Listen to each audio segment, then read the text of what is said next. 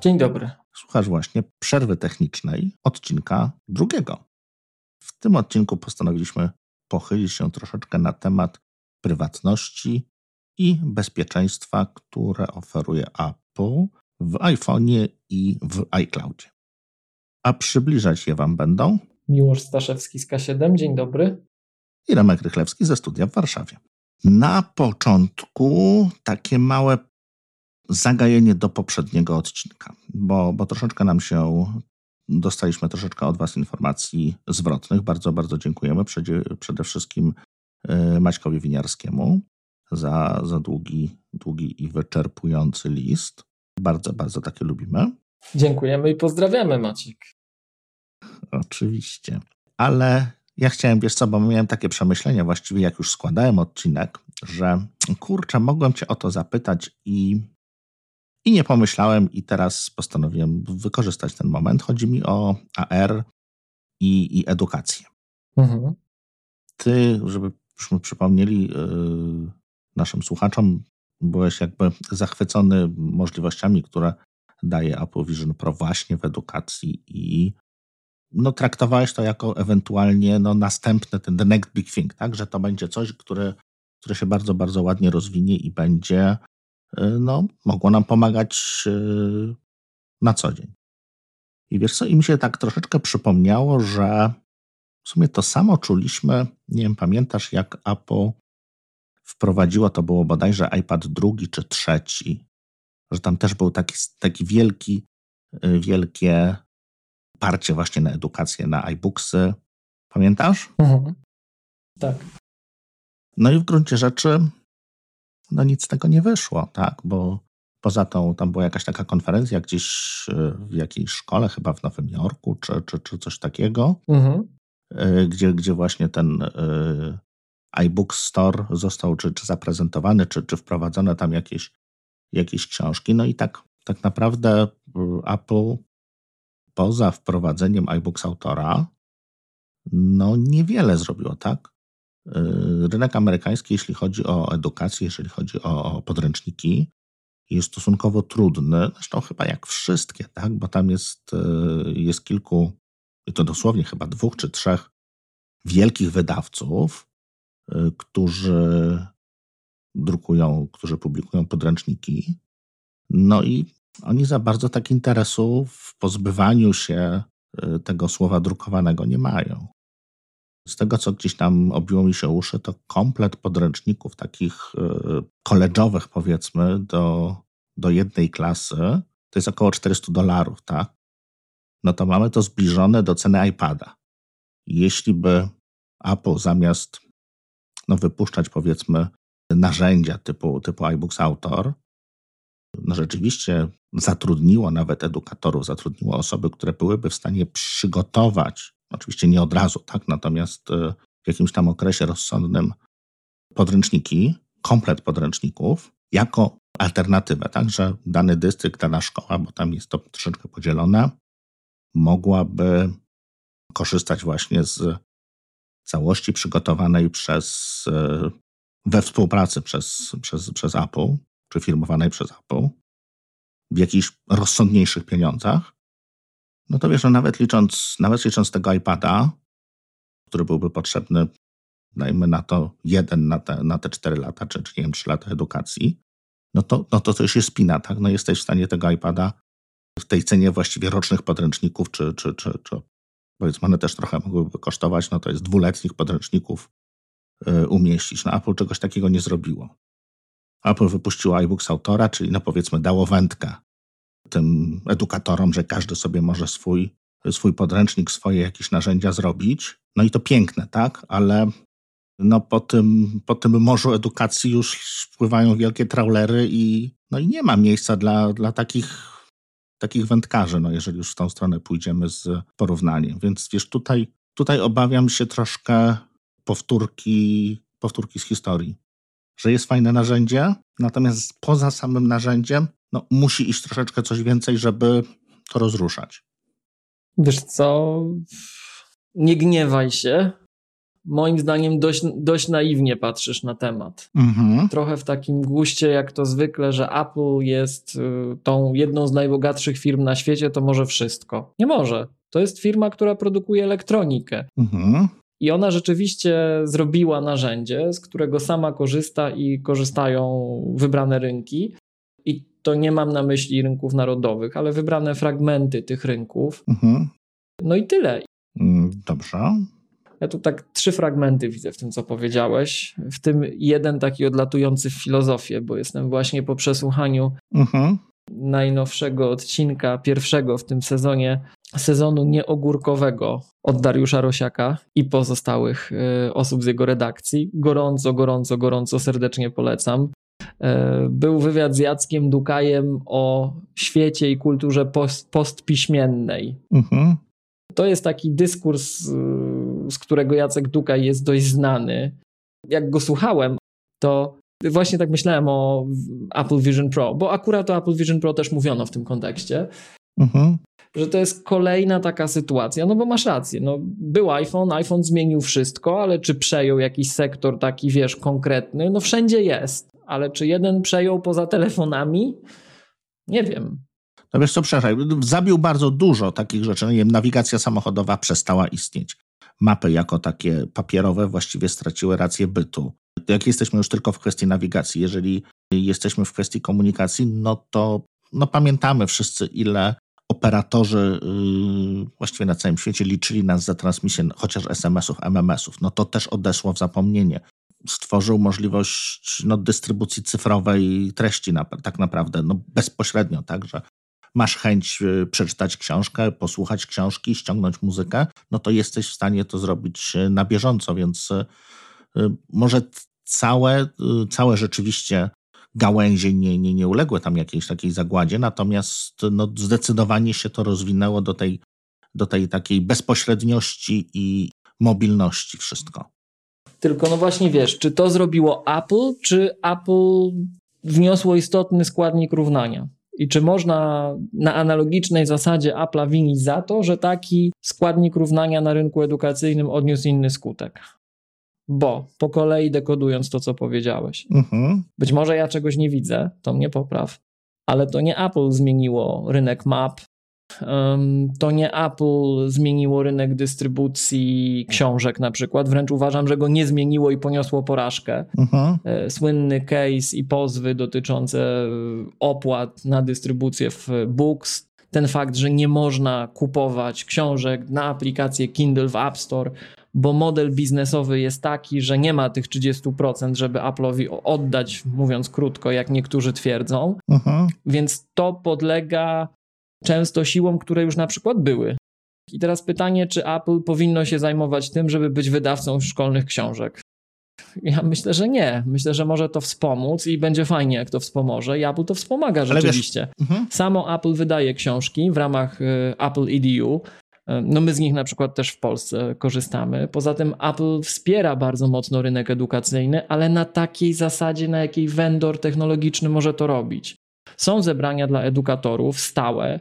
Nawet w Polsce są ludzie, którzy od 20 lat ponad pewnie z Applem pracują w tych edukacyjnych rzeczach. I pomimo tego, że my nie jesteśmy najistotniejszym rynkiem dla nich na świecie, delikatnie mówiąc, Mhm. to robią takie rzeczy i tam, gdzie mogą, to to wspierają. To jest właśnie Remek to, co powiedziałem, że no to, to jest firma, która robi elektronikę. Oni nie, nie wejdą i nie, nie staną się nagle wydawcą książek edukacyjnych, bo tak, bo mogą. Oni mogą wszystko, ale równocześnie jak możesz wszystko, to musisz mądrze wybierać, żeby się nie rozmienić. No widzisz, to, że są producentem elektroniki, tak, zgadza się, ale z drugiej strony są producentem filmów, tak. Tutaj potrafili jakby wejść w rynek, od zera zacząć, dokładnie od zera, od niczego, tak. Nie Kupili żadnej biblioteki filmów, e, tak jak zaczynał Netflix, czy no nie posiadają takich historii jak Disney, że wymienię tylko dwóch konkurentów. I idzie im z tym całkiem nieźle, no, biorąc pod uwagę nagrody, biorąc pod uwagę generalnie jakość i to, w jaki sposób rynek ich odbiera. Pe- pełna zgoda, ale to jest ich decyzja, że w ten rynek wchodzą, a w tamten nie. Mm, Zgadza się. tam, gdzie mogli, to ten, ten rynek biznes, ten rynek edukacyjny dość mocno rozruszali. Pewne pozycje wydają jako Apple, no ale umówmy się, pe, pewne pozycje i tam, gdzie mogą coś wnieść do tej dyskusji swoimi siłami. Tu mam na myśli tą całą serię Developing Swift, bo ja z nią najczęściej pracuję, tak? Natomiast tych podręczników jest więcej. Apple było zaangażowane nawet w Polsce w przygotowywanie podręczników także na polski rynek. Mhm. Do konkretnych y, grup wiekowych z konkretną tematyką. Szukało takich partnerów, ale szukało partnerów, nie robiło tego samemu. Przynajmniej na tyle, na ile wiem, tak się ten proces odbywał, bo jakieś podręczniki y, po polsku były, aczkolwiek nie ty, dla tych grup wiekowych, z którymi ja pracuję i, i nie z tej tematyki, z którą ja pracuję. To, co Apple rzeczywiście zrobiło, i tu było właściwym podmiotem, żeby móc to zrobić i móc te różnice wnieść, to jest rzeczywiście ta dystrybucja cyfrowa. To jest App Store i zobacz, co się dzieje. I zaczynają zbierać po głowie za to. To jest po prostu sytuacja taka, w której, no wiesz, nie gniewaj się, ty im zarzucasz, że albo mogli zrobić, a nie zrobili. No, no nie zrobili, bo wybrali, że nie. Wiesz nie chodzi mi, zarzucam. Ja uważam, że stracili szansę. Stracili szansę, w której iPad byłby domyślnym urządzeniem dla każdego ucznia. Potencjalnie, okej. Okay. Znajomy, zresztą słuchacz, odesłał mi recenzję ostatnio tego komputera, co to będzie w Polsce masowo dzieciom rozdawany. 8 giga RAMu, dysk SSD i notatnik startuje powyżej 60 sekund na czystej instalacji Windowsa, takiej jak dostarcza vendor. To się w głowie nie mieści. Wiesz co, to ja o tym słyszałem, to będzie, czekaj, żebym ja tego nie spalił, to był na zasadzie dowcipu kawału, to było komputer, za który podatnicy zapłacą 4000 zł, który kosztuje w dystrybucji 3000, który później będzie można kupić na Allegro za 2000. Walorów cenowych nie znam, nie wiem jak to jest wycenione, ale no sam fakt, tak? Mhm. Pytanie, czy Apple chce w to wchodzić, pytanie, czy nie ma ciekawszych rzeczy do zrobienia, pytanie, jak ocenia swoją sytuację, ja tego nie wiem. Oni nie na wszystko mają wpływ, oni są jakimś elementem. Tak? Mm, oczywiście. My czasem Apple'owi lubimy, lubimy jakieś takie nadprzyrodzone moce, mam wrażenie, przydawać. To są tacy sami ludzie jak my, którym pewne rzeczy dobrze wychodzą i ich pilnują i pewnie dlatego im dobrze wychodzą. I jeszcze jedna rzecz była w tym, co powiedziałeś o tych operatorach, że spadły ceny. To nie jest Apple'a ruch to jest ruch regulatorów, to jest ruch innych sił rynkowych, że spadły ceny za internet. Nie, chodziło mi o ceny wiadomości. W momencie, kiedy się pojawia możliwość wysyłania czy przez WhatsApp, czy przez y, iMessage, czy przez setki innych komunikatorów, to ceny jakby SMS-ów, MMS-ów tutaj spadły. No właściwie... To też nie jest zasada też nie jest zasada. Są rynki europejskie, gdzie y, operatorzy bana na to założyli i się regulator za to musiał wziąć. To dlatego Nili Krois została komisarzem y, Komisji Europejskiej do spraw cyfrowych, bo na swoim macierzystym rynku y, rozwaliła y, oligopolistyczne praktyki, ale tam operatorzy zaczęli stosować właśnie takie metody, że widząc, że im trafik ucieka, nie chcieli zostać the dump pipe. Ale wiesz co? Mhm i zaczęli z tym walczyć. To nie jest kwestia Apple akurat. Dlatego ty to podałeś jako przykład tego, że tu Apple coś wywołało. Nie, mówiłeś, że nie, to była kwestia tego, że iPhone coś zmienił. To było jakby już, e, już odniesieniem się do... No właśnie i tu uważam, że iPhone był siłą napędową. Apple było wiodącym, wiodącą lokomotywą w tym wyścigu, ale gdyby to nie było Apple, to może kto inny też by coś podobnego zrobił. App Store jest odwrotnie. Z App Store te Apple'owe zasady, Apple'owe wartości, bo tutaj Apple się określiło. Okopało. Narysowało linię na piasku i powiedziało, dalej nie pójdziemy. Tu uważam, że możemy dyskutować, co Apple zrobiło jako siła wiodąca. Zresztą, jak posłuchasz dyskusji, które w naszym środowisku się odbywają, że może teraz Apple będzie rozliczało proporcjonalnie dochody, bo skoro się wydarzył Apollo i Twitter, biedny deweloper nie może sobie przychodów podzielić. Co uważam za głupie i szkodliwe. Ale znowuż, z mojej perspektywy, Niech jest jak jest, to jest sensowne. Nie wiem, na ile tam są regulacje prawno-finansowe, międzynarodowe, bo przypuszczam, że mogą być. No to muszą być nawet. I ten postulat jest taki. Nie poparty niczym. Tak. No to tak akurat. To się z Tobą zgadzam to jest właśnie ta dyskusja taka, nie? że zobacz, każdy fragment można 100 tysięcy kombinacji znaleźć, że mogli tak, a mogli inaczej. Mhm. Robią tak, jak uważają i myślę, że jest ok. I teraz jak na to spojrzysz, to właśnie ja miałem Remek tą samą, ciśnie mi się na, słowo, na, na, na, na usta słowa rozkmina, ale chciałbym to w jakoś bardziej elegancki sposób wyrazić. Długie rozmyślania, takie wewnętrzne prowadziłem na właśnie ten temat. Posłuchawszy tego wywiadu z Jackiem Dukajem, serdecznie polecam. Sezon nieogórkowy To jest to, za co słuchamy e, Dariusza Rosiaka i, i, i jego zespołu dlaczego słuchamy i za co kochamy. Tak powinienem był powiedzieć. Ja dzisiaj jestem dość mocno zmęczony i niedospany, jak dobrze wiesz, wybaczcie wszyscy słuchacze, niezręczności językowe, ale właśnie słuchając tej dyskusji, no to to jest troszkę tak, że my dostajemy pewne możliwości i w ramach tych możliwości ten globalny dyskurs i rozwój postępuje. I nigdy jedna rzecz nie zmienia całości. I pytanie, czy taki ktoś dostarczający technologię, bo to już w tym szerszym ujęciu, nie IT, po prostu technologię, sposób osiągania celów, tak? jakkolwiek rozumiany w jakiejkolwiek dziedzinie, powinien zaraz przejmować sam w sobie cały świat. Tym bardziej, już tak pomijając wszystko, już zagrajmy na żyłkę taką chciwości po prostu, taką wiesz, jak tu zarobić jak najszybciej, jak najwięcej. Czy jak byłbyś Applem, to byś się zajmował edukacją czy Apple Pay? Bo ja bym się zajmował Apple Pay. Nie jestem przekonany, że Apple mogłoby być tak znacząco lepszym dostawcą treści edukacyjnych na tle szerokiego rynku na całym świecie, mhm. niż podnieść tak znacząco poziom, jak zrobiło to w przypadku Apple Pay, gdzie masz bezpieczne, anonimowe płatności powszechne. Wiesz co, jedno drugiego nie wyklucza troszeczkę, natomiast patrząc na... Wyklucza, jeśli spojrzysz na to, że masz, masz ograniczone zasoby to jeżeli myślimy o ograniczonych zasobach, jeżeli coś ma przynieść rezultat w przeciągu roku, dwóch, no to oczywiście inwestujemy w Apple Pay. Jeżeli ma przynieść rezultat za 5-10 lat, inwestujemy w edukację. No dobra, a to teraz się zatrzymajmy. Inwestujemy w, w edukację czy w Apple Vision Pro na przykład? Nie masz nieskończonych zasobów nigdy. Jednym z zasobów, które, których Apple ma akurat pod dostatkiem. Y, są to zasoby finansowe. Jest to jedna z najbogatszych firm świata aktualnie, tak? Ja tak na to nie patrzę. No patrząc po przychodach. Zupełnie uczciwie, ja tak na to nie patrzę. No to tak, to, to, to Michała by się trzeba było zapytać, ale... Ja lubię zawsze, jak wszyscy, jak wszyscy wydają cudze pieniądze. Zgadza się. To jest, y, to jest kwestia, y, kwestia bezsporna, bo to się bardzo, bardzo prosto robi. Ja mam tego pełną świadomość. Natomiast wiesz, no cały czas wydaje mi się, że to, patrząc to, co w edukacji potrafi zrobić Google, to, co w edukacji dla edukacji potrafi zrobić Microsoft, to Apple tutaj nie stara się aż tak bardzo. Chodzi mi o, wiesz, po prostu tak po prostu o edukację późniejszych kadr, tak, żeby przyzwyczaić młodzież do korzystania z tych rozwiązań. Ale wiesz co, to zostawmy może na, na troszeczkę jeszcze inną rozmowę, bo z, ale to czekaj, czekaj, czekaj. Nie, ale w jakiś sposób to domknijmy, bo to zaraz mi powiesz, bo ja nie wiem, gdzie tutaj tak istotnie Microsoft czy Google są bardziej zaangażowane w edukację niż Apple w ramach ekosystemu, na którym pracują, mhm. ale no żadna z tych firm też nie wydaje swoich podręczników, nie przejęła amerykańskiego rynku na przykład podręczników. Zgadza się.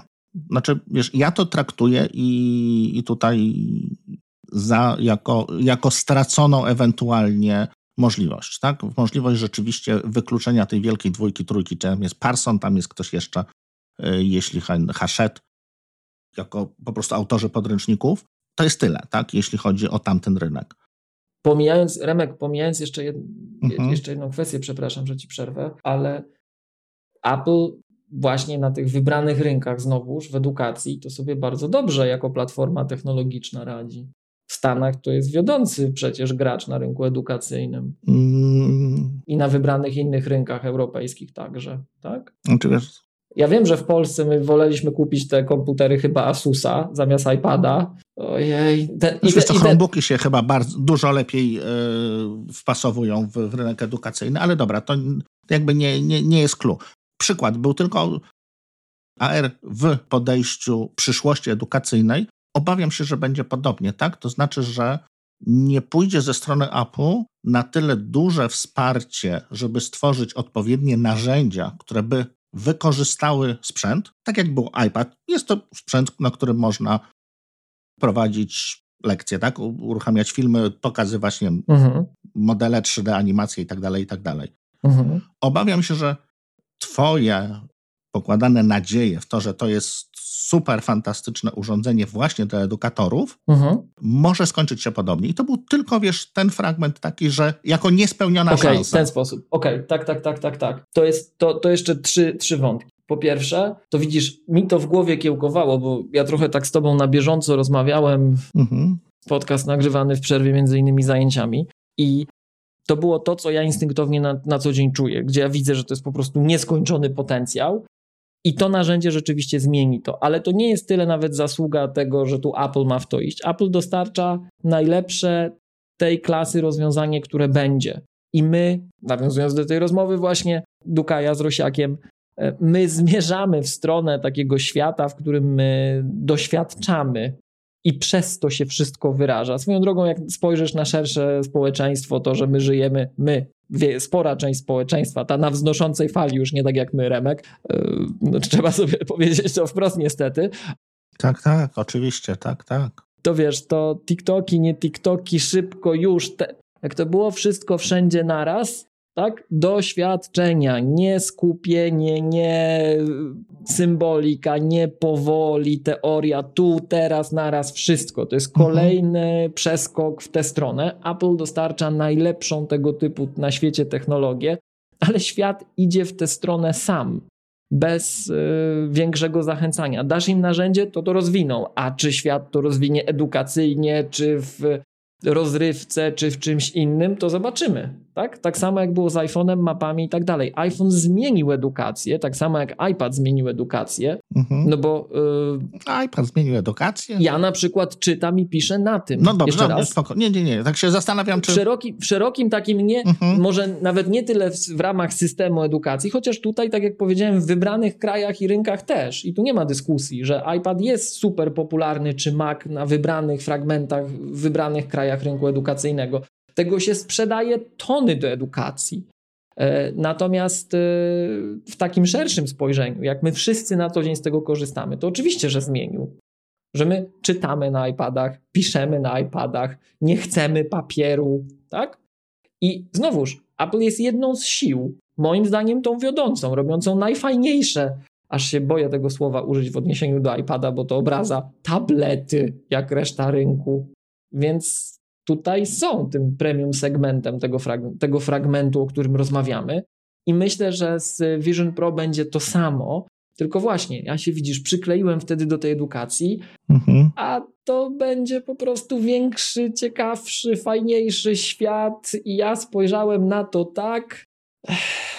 aż nie chcę za dużo z tej rozmowy z wczoraj wyciągać, bo jest taki oczywisty fragment, który czasem jest wyciągany rynku, który to właśnie gra na stymulację wszelkich zmysłów i tego, że my instant gratification chcemy mieć bez większego kontekstu tu i już i teraz bo spenetrowano to w jakiś sposób człowiek. Dokładnie, ośrodki przyjemności, tak jest. Reaguje na różne rzeczy i się to monetyzuje, monetyzuje, monetyzuje, monetyzuje, monetyzuje, monetyzuje i ta branża na przykład, którą mam teraz na myśli, też napędza fragmenty świata technologicznego, w tym właśnie zdaniem dyskutantów, których tu y, przywołuję.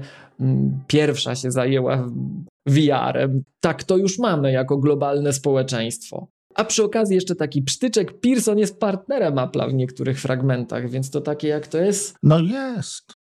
Frenemy. Frenemy, dokładnie, tak.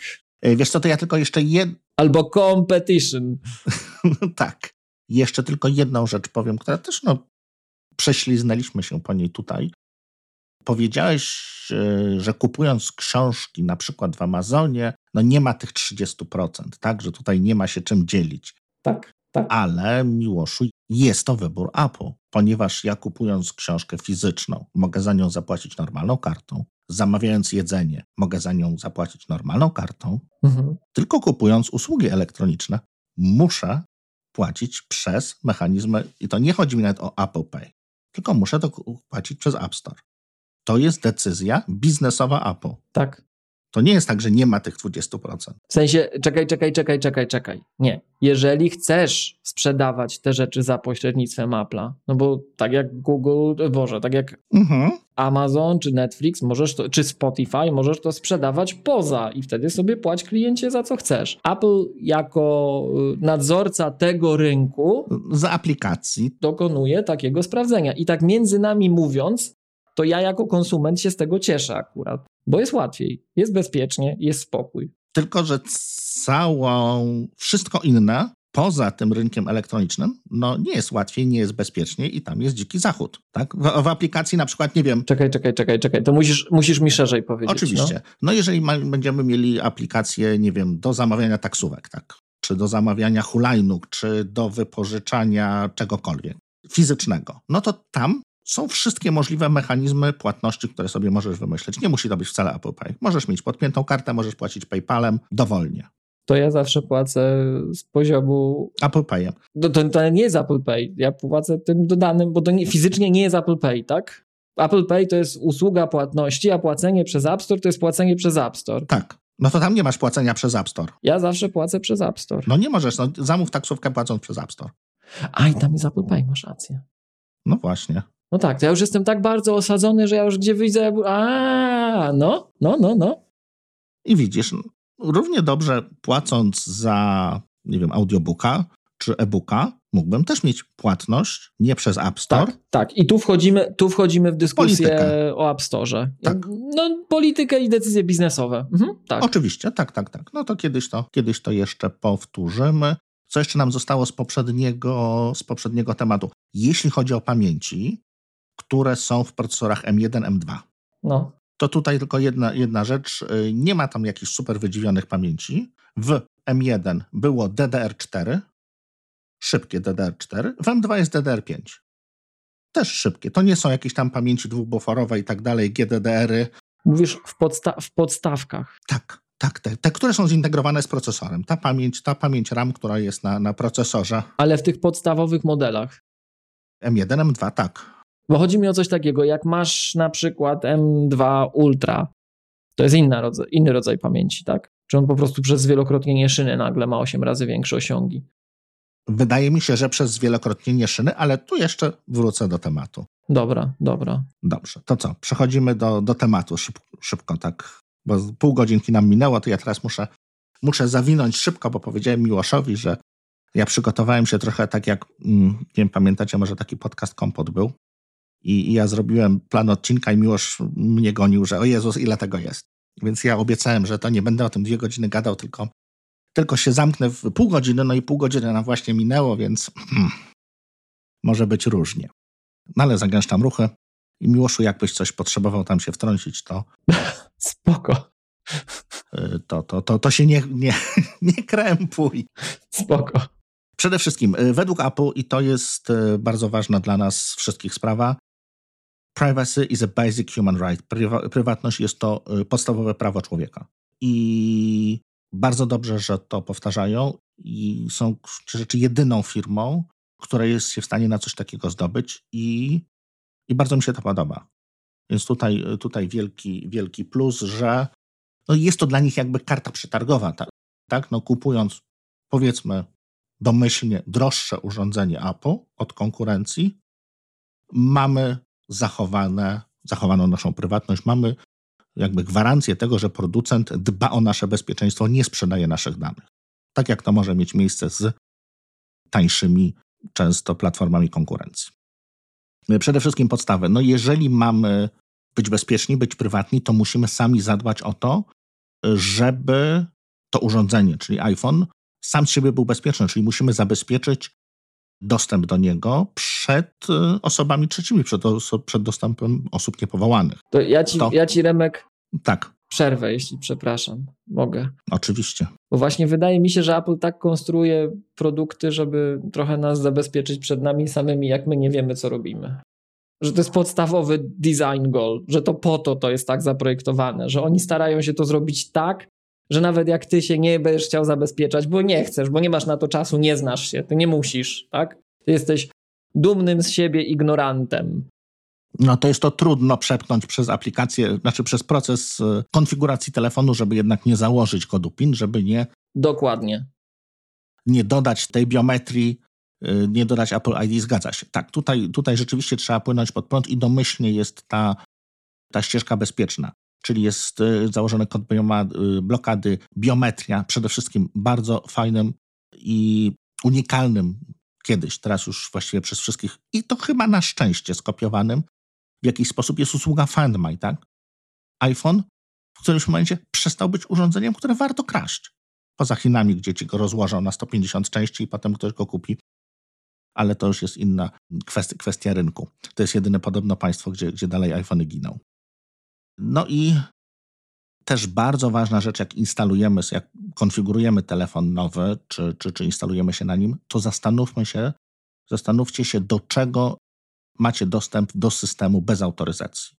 Bo też domyślnie fajnie zrobione, jest to, jest to sensownie. Natomiast przy specyficznych zastosowaniach czy specyficznych potrzebach użytkowników, czyli waszych, warto to czasami zmienić. Tak? Może coś więcej pokazać, na przykład y, więcej kwestii medycznych, czy więcej kontaktu dla osób starszych, jeśli ktoś rzeczywiście będzie musiał skorzystać z tego y, telefonu w momencie, kiedy, kiedy jego użytkownik jest y, no, niedysponowany, mówiąc tak kolokwialnie.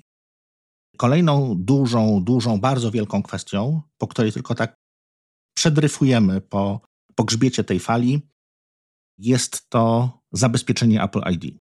Apple ID jest y, najważniejszym dla Apple oczywiście, jak również dla, dla użytkowników, podejrzewam, kontem, przy którym posługujemy się właściwie wszędzie przy kontaktach z Apple. Może konto bankowe jest ważniejsze dla mnie, a drugim, yy, drugim co do ważności jest konto Apple ID. I, i, i tam warto też, żeby, żeby te zabezpieczenia były y, odpowiednie. Tutaj warto też spojrzeć, żebyśmy, zresztą podlinkujemy, jest y, samej, samej instrukcji do, do iOS 16 jest y, cały rozdział o bezpieczeństwie y, Apple ID. I, I to nie chodzi tylko o tam dodanie kodu 2FA, o skonfigurowanie chmury rodzinnej, backupu itd., tak itd., tak ale kontakty odzyskiwania czy uprawnienia dla opiekunów konta. Jest, y, jest tego całkiem sporo. Można wygenerować klucz do odzyskania konta i gdzieś go schować, tak? Jeżeli chcemy, żeby ktoś miał dostęp do naszych danych, kiedy my już nie będziemy mieli okazji z nich korzystać, tak to ujmijmy. Y, to, co jest również bardzo ważne, mm, to jest y, i to, co, to, co ułatwia i, i umożliwia mm, korzystanie, to jest bezpieczne logowanie się do wszelkich y, serwisów i aplikacji. I to bardzo różne. Przez paski, które powoli wchodzi. Ostatnio już nawet można się na strony y, Apple logować przy pomocy paski. Y, logowanie przy pomocy konta Apple ID, czyli nie tworzymy w jakimś serwisie osobnego konta, tylko logujemy się przez Apple ID, czyli jest tworzony dynamicznie nowy adres, adres e-mail powiązany z naszym kontem i przez niego się logujemy. Nie mamy powiedzmy dodatkowego hasła, które, które musimy pamiętać. Jest ono zapamiętywane przez nas w systemie. Automatyczne wypełnianie y, haseł.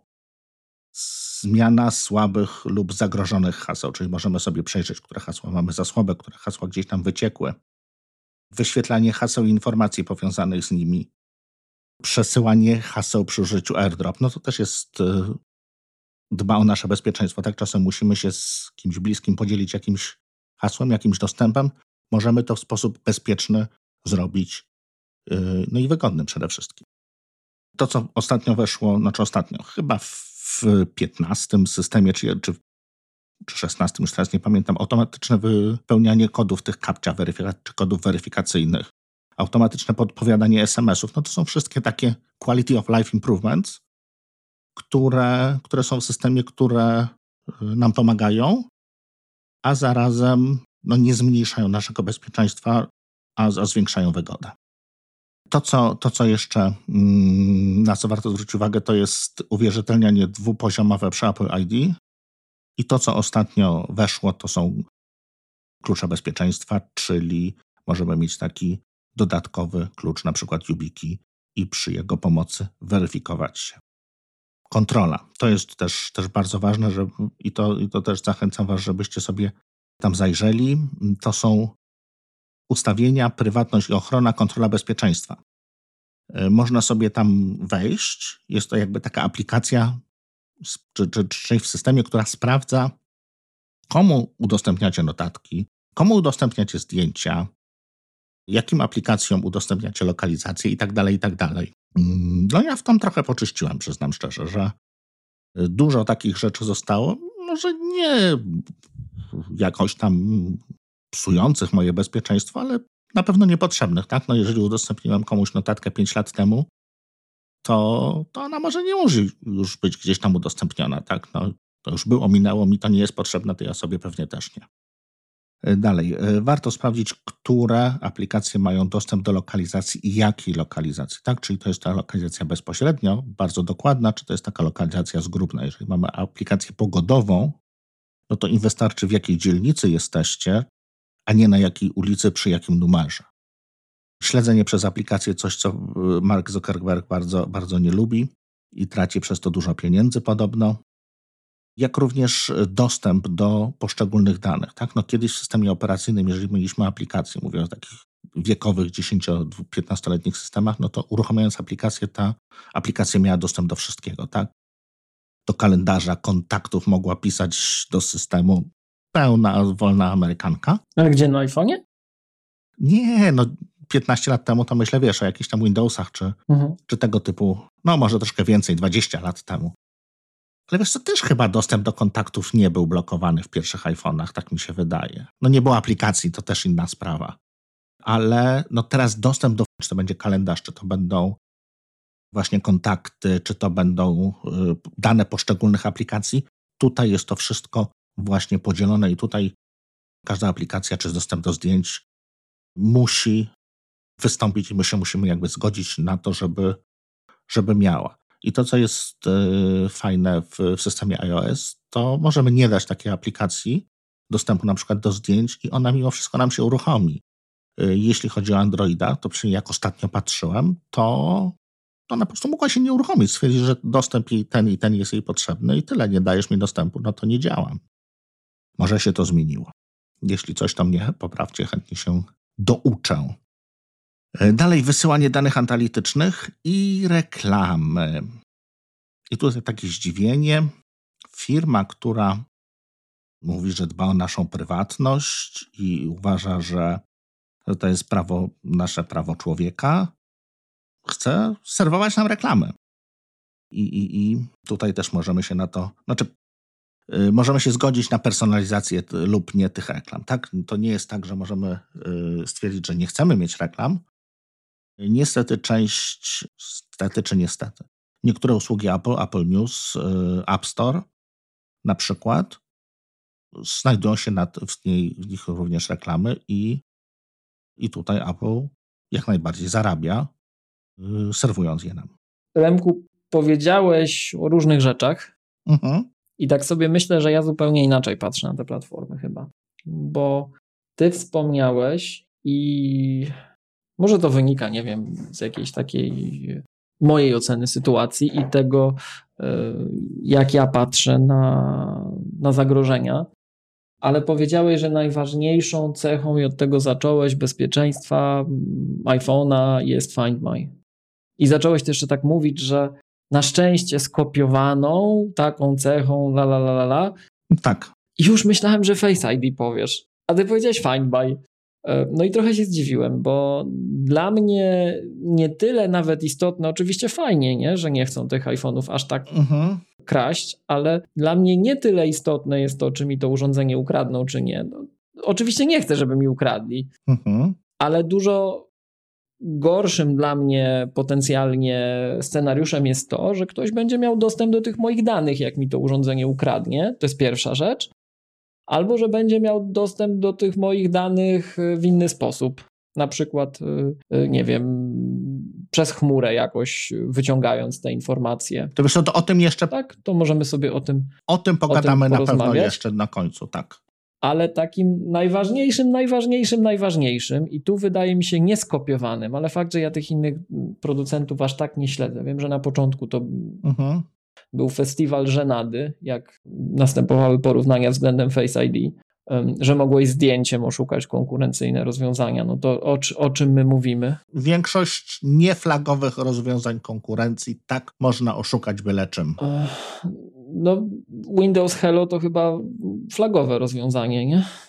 albo te Samsungowe rozwiązania swego czasu. E, no, no czy wiesz, no to też mówimy o, o, o, swego czasu. Aktualnie Samsung... Tak, w momencie jak Face ID weszło, tak? Bo... Tak, no to wszyscy wpychali cokolwiek. Windows Hello również już geometrię sprawdza, również sprawdza, że to żyje.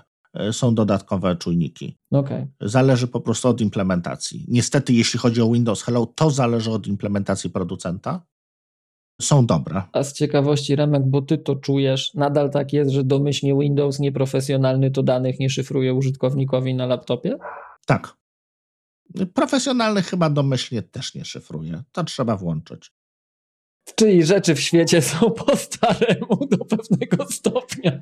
W każdym razie, wracając, to. Yy... No wiesz, ale dobra, nie szyfruje danych, ale zabezpiecza dostęp e, do nich, tak? No, przy pomocy śrubokręta jesteś w stanie się do nich dostać. No. I, I moim zdaniem najważniejsze i takie wychodzące z tego, że Apple wierzy, że prawo do prywatności to niezbywalne prawo człowieka, mhm. podejście widać właśnie w tym, że Apple chroni nasze dane. Chroni zarówno przed potencjalnymi atakującymi, jak, jakikolwiek atakujący by to nie był, czy to jest jakiś taki troglodyta, co nam po prostu zabrał fizycznie urządzenie i potrafi wykręcić dysk w cudzysłowie, tak? Mhm. Albo przed bardziej poważnymi sytuacjami, i na tyle, na ile może to zrobić w sposób rozsądny, gładki, łatwo osiągalny, domyślnie włączony dla wszystkich, to to robi. I to dla mnie oznacza siłę platformy, to dla mnie oznacza bezpieczeństwo, i dla mnie najfajniejszym fragmentem, jeśli chodzi o security na urządzeniach, mhm. Jest Secure Enclave i właśnie Face ID albo Touch ID, ale oczywiście Face ID jest lepsze, wygodniejsze, bezpieczniejsze i tak dalej. Nie? Mhm. E, słuchaj, e, z takich jeszcze rzeczy, bo, bo, bo zacząłem od tego, od tego że, że tutaj trochę inaczej to, e, to gdzieś widzę. Mówiłeś o tym zdjęciach, o tym ograniczeniu dostępu do różnych zasobów. Tak. Tak, tak, tak, tak. I tu chciałbym ja ze swojej strony podpowiedzieć słuchaczom trzy rzeczy. Troszkę czasem podkreślić to, co ty powiedziałeś, a czasem dwa słowa więcej albo moje doświadczenie. Mhm. Pierwsze to jest właśnie bardzo fajne i, i to pokazuje właśnie Apple'owe decyzje. Można powiedzieć, tu bym użył bardziej słowa polityka mhm. niż decyzja biznesowa, ale to w drugim rzędzie akurat jest decyzja biznesowa, bo opierasz swój biznes właśnie na tym, że ty jesteś dostawcą rozwiązań nie idących na kompromisy, jeśli chodzi o bezpieczeństwo i prywatność. Mhm. To nie jest cecha iOS-a, to jest cecha Apple'owych rynków właśnie, to jest cecha App Store. Też, tak. Nie, nie konkretnej platformy. To, że Apple się nie zgadza i to jest, to jest polityczna decyzja, to jest w polityce deweloperskiej, nie może deweloper puszczać na naszych platformach aplikacji, która, jeżeli się użytkownik nie zgodzi na dostęp do czegoś, na co obiektywnie nie musi się zgodzić, żeby aplikacja była w stanie dostarczyć wartość, mhm. takiej aplikacji na naszych platformach nie będzie. Kropka. To jest decyzja polityczna dotycząca tego, jak wygląda dystrybucja poprzez App Store, co App Store oferuje klientom końcowym. Mhm. I Apple rzeczywiście jak to Amerykanie mówią, puts it wave e, behind it, czyli rzeczywiście używa swojej e, pozycji negocjacyjnej w tym równaniu, Siły. Żeby, e, żeby zapewnić, że tak właśnie będzie. Mhm. I to jest bardzo fajna cecha naszych platform, że właśnie na, na rozwiązaniach konkurencyjnych to jak się nie zgodzisz na to, żeby apka miała dostęp do kontaktu, to nie będzie działać. A u nas będzie, albo jej nie będzie. Mhm. I, I to jest to, kiedy Apple chroni użytkownika, tak? Ten temat pewnie będzie jeszcze wracał, że Apple chroni użytkownika. Taki jest pomysł na to wszystko. Druga rzecz to właśnie też fajnie opowiedziałeś, ale bym chciał zwrócić uwagę, że od strony deweloperskiej tam jest jeszcze przy zdjęciach pewne rozróżnienie. Plus, jak od tego wyjdziemy, to żeby się przyjrzeć różnym innym mapkom, bo tak jak właśnie zauważyłeś, na naszych platformach użytkownik decyduje, do czego dana aplikacja ma mieć dostęp. I to ma szereg następstw. Po pierwsze, to co już powiedzieliśmy, jak się nie zgodzi, użytkownik na coś, to apka, jeśli tylko to ma sens, ma działać. Mhm. Koniec, kropka. Nie negocjujemy. Druga rzecz, czasem możesz zadecydować o zakresie tego dostępu. I ty wspomniałeś o tej lokalizacji, że niekiedy może być to lokalizacja tak. bardzo dokładna, kiedy indziej może być to lokalizacja taka mniej dokładna, która i tak powinna mieć sens z punktu widzenia tego, do czego aplikacja mhm. może chcieć jej wykorzystać.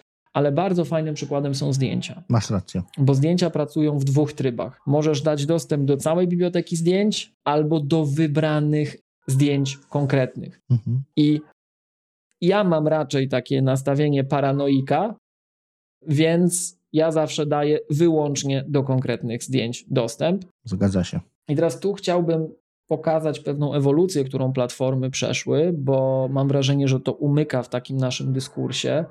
To to, że Apple dokręca śrubkę. Z każdym nowym releasem, z każdą nową, dużą wersją, czyli jak teraz ładnie to nazywamy, with every major release. E, Apple dokłada kolejne klocuszki. Mhm. Elementy, co do których można te decyzje podjąć. Tak. I teraz to ma szereg następstw. Co najmniej trzy. Po pierwsze, to fajnie, że możemy coraz dokładniej to definiować, chociaż cztery klocuszki. Po pierwsze, to fajnie, że możemy. Tak.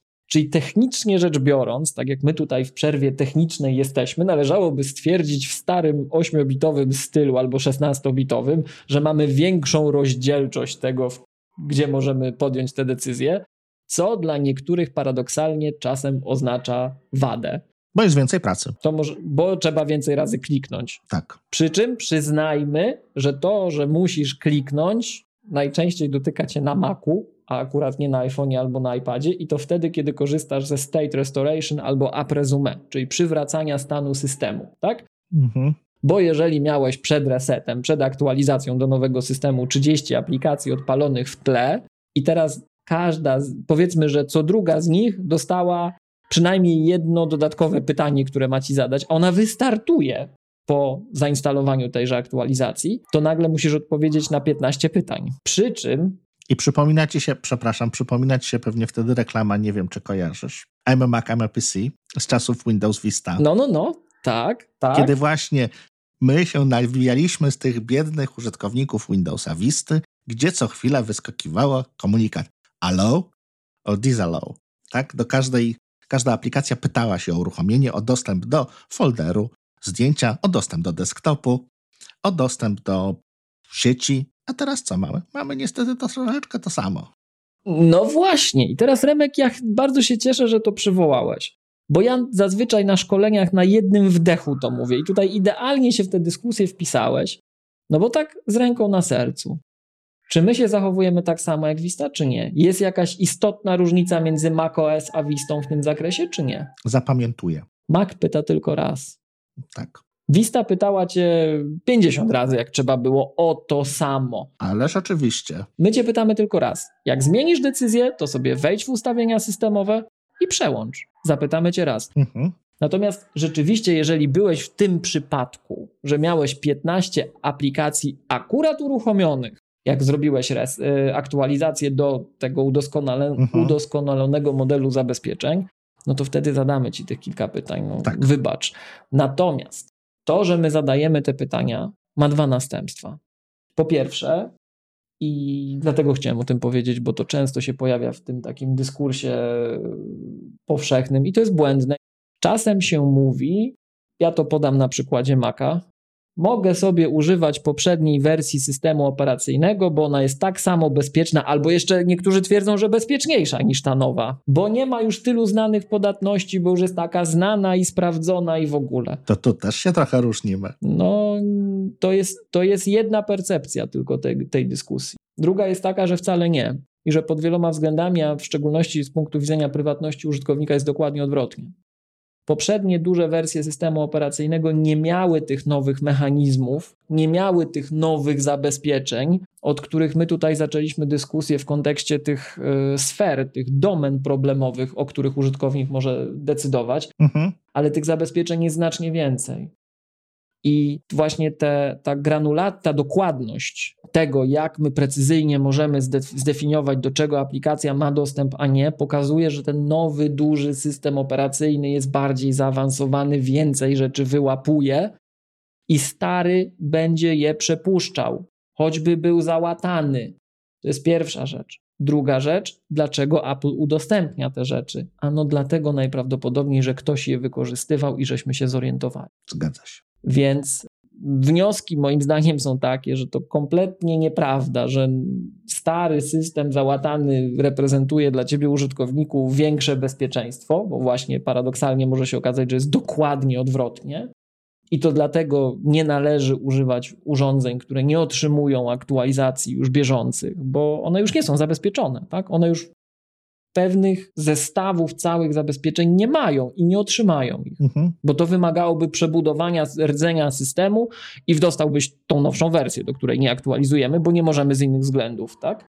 No w pewnym momencie tak, dokładnie. No i właśnie jeszcze podkreślę raz ten fragment wypowiedzi, który tu był, bo ja to postrzegam jako zupełnie osobny element, który zawsze w dyskusji powinien zostać podkreślony, że a bardzo często mam wrażenie, bo ja nie wiem oczywiście, ale się domyślam, obserwując trochę, jak to wszystko działa, w tych swoich y, działaniach ma istotny komponent reaktywny. To znaczy, Apple reaguje na to, co się wydarzyło, co oznacza, że to się działo, co oznacza, że było nadużywane.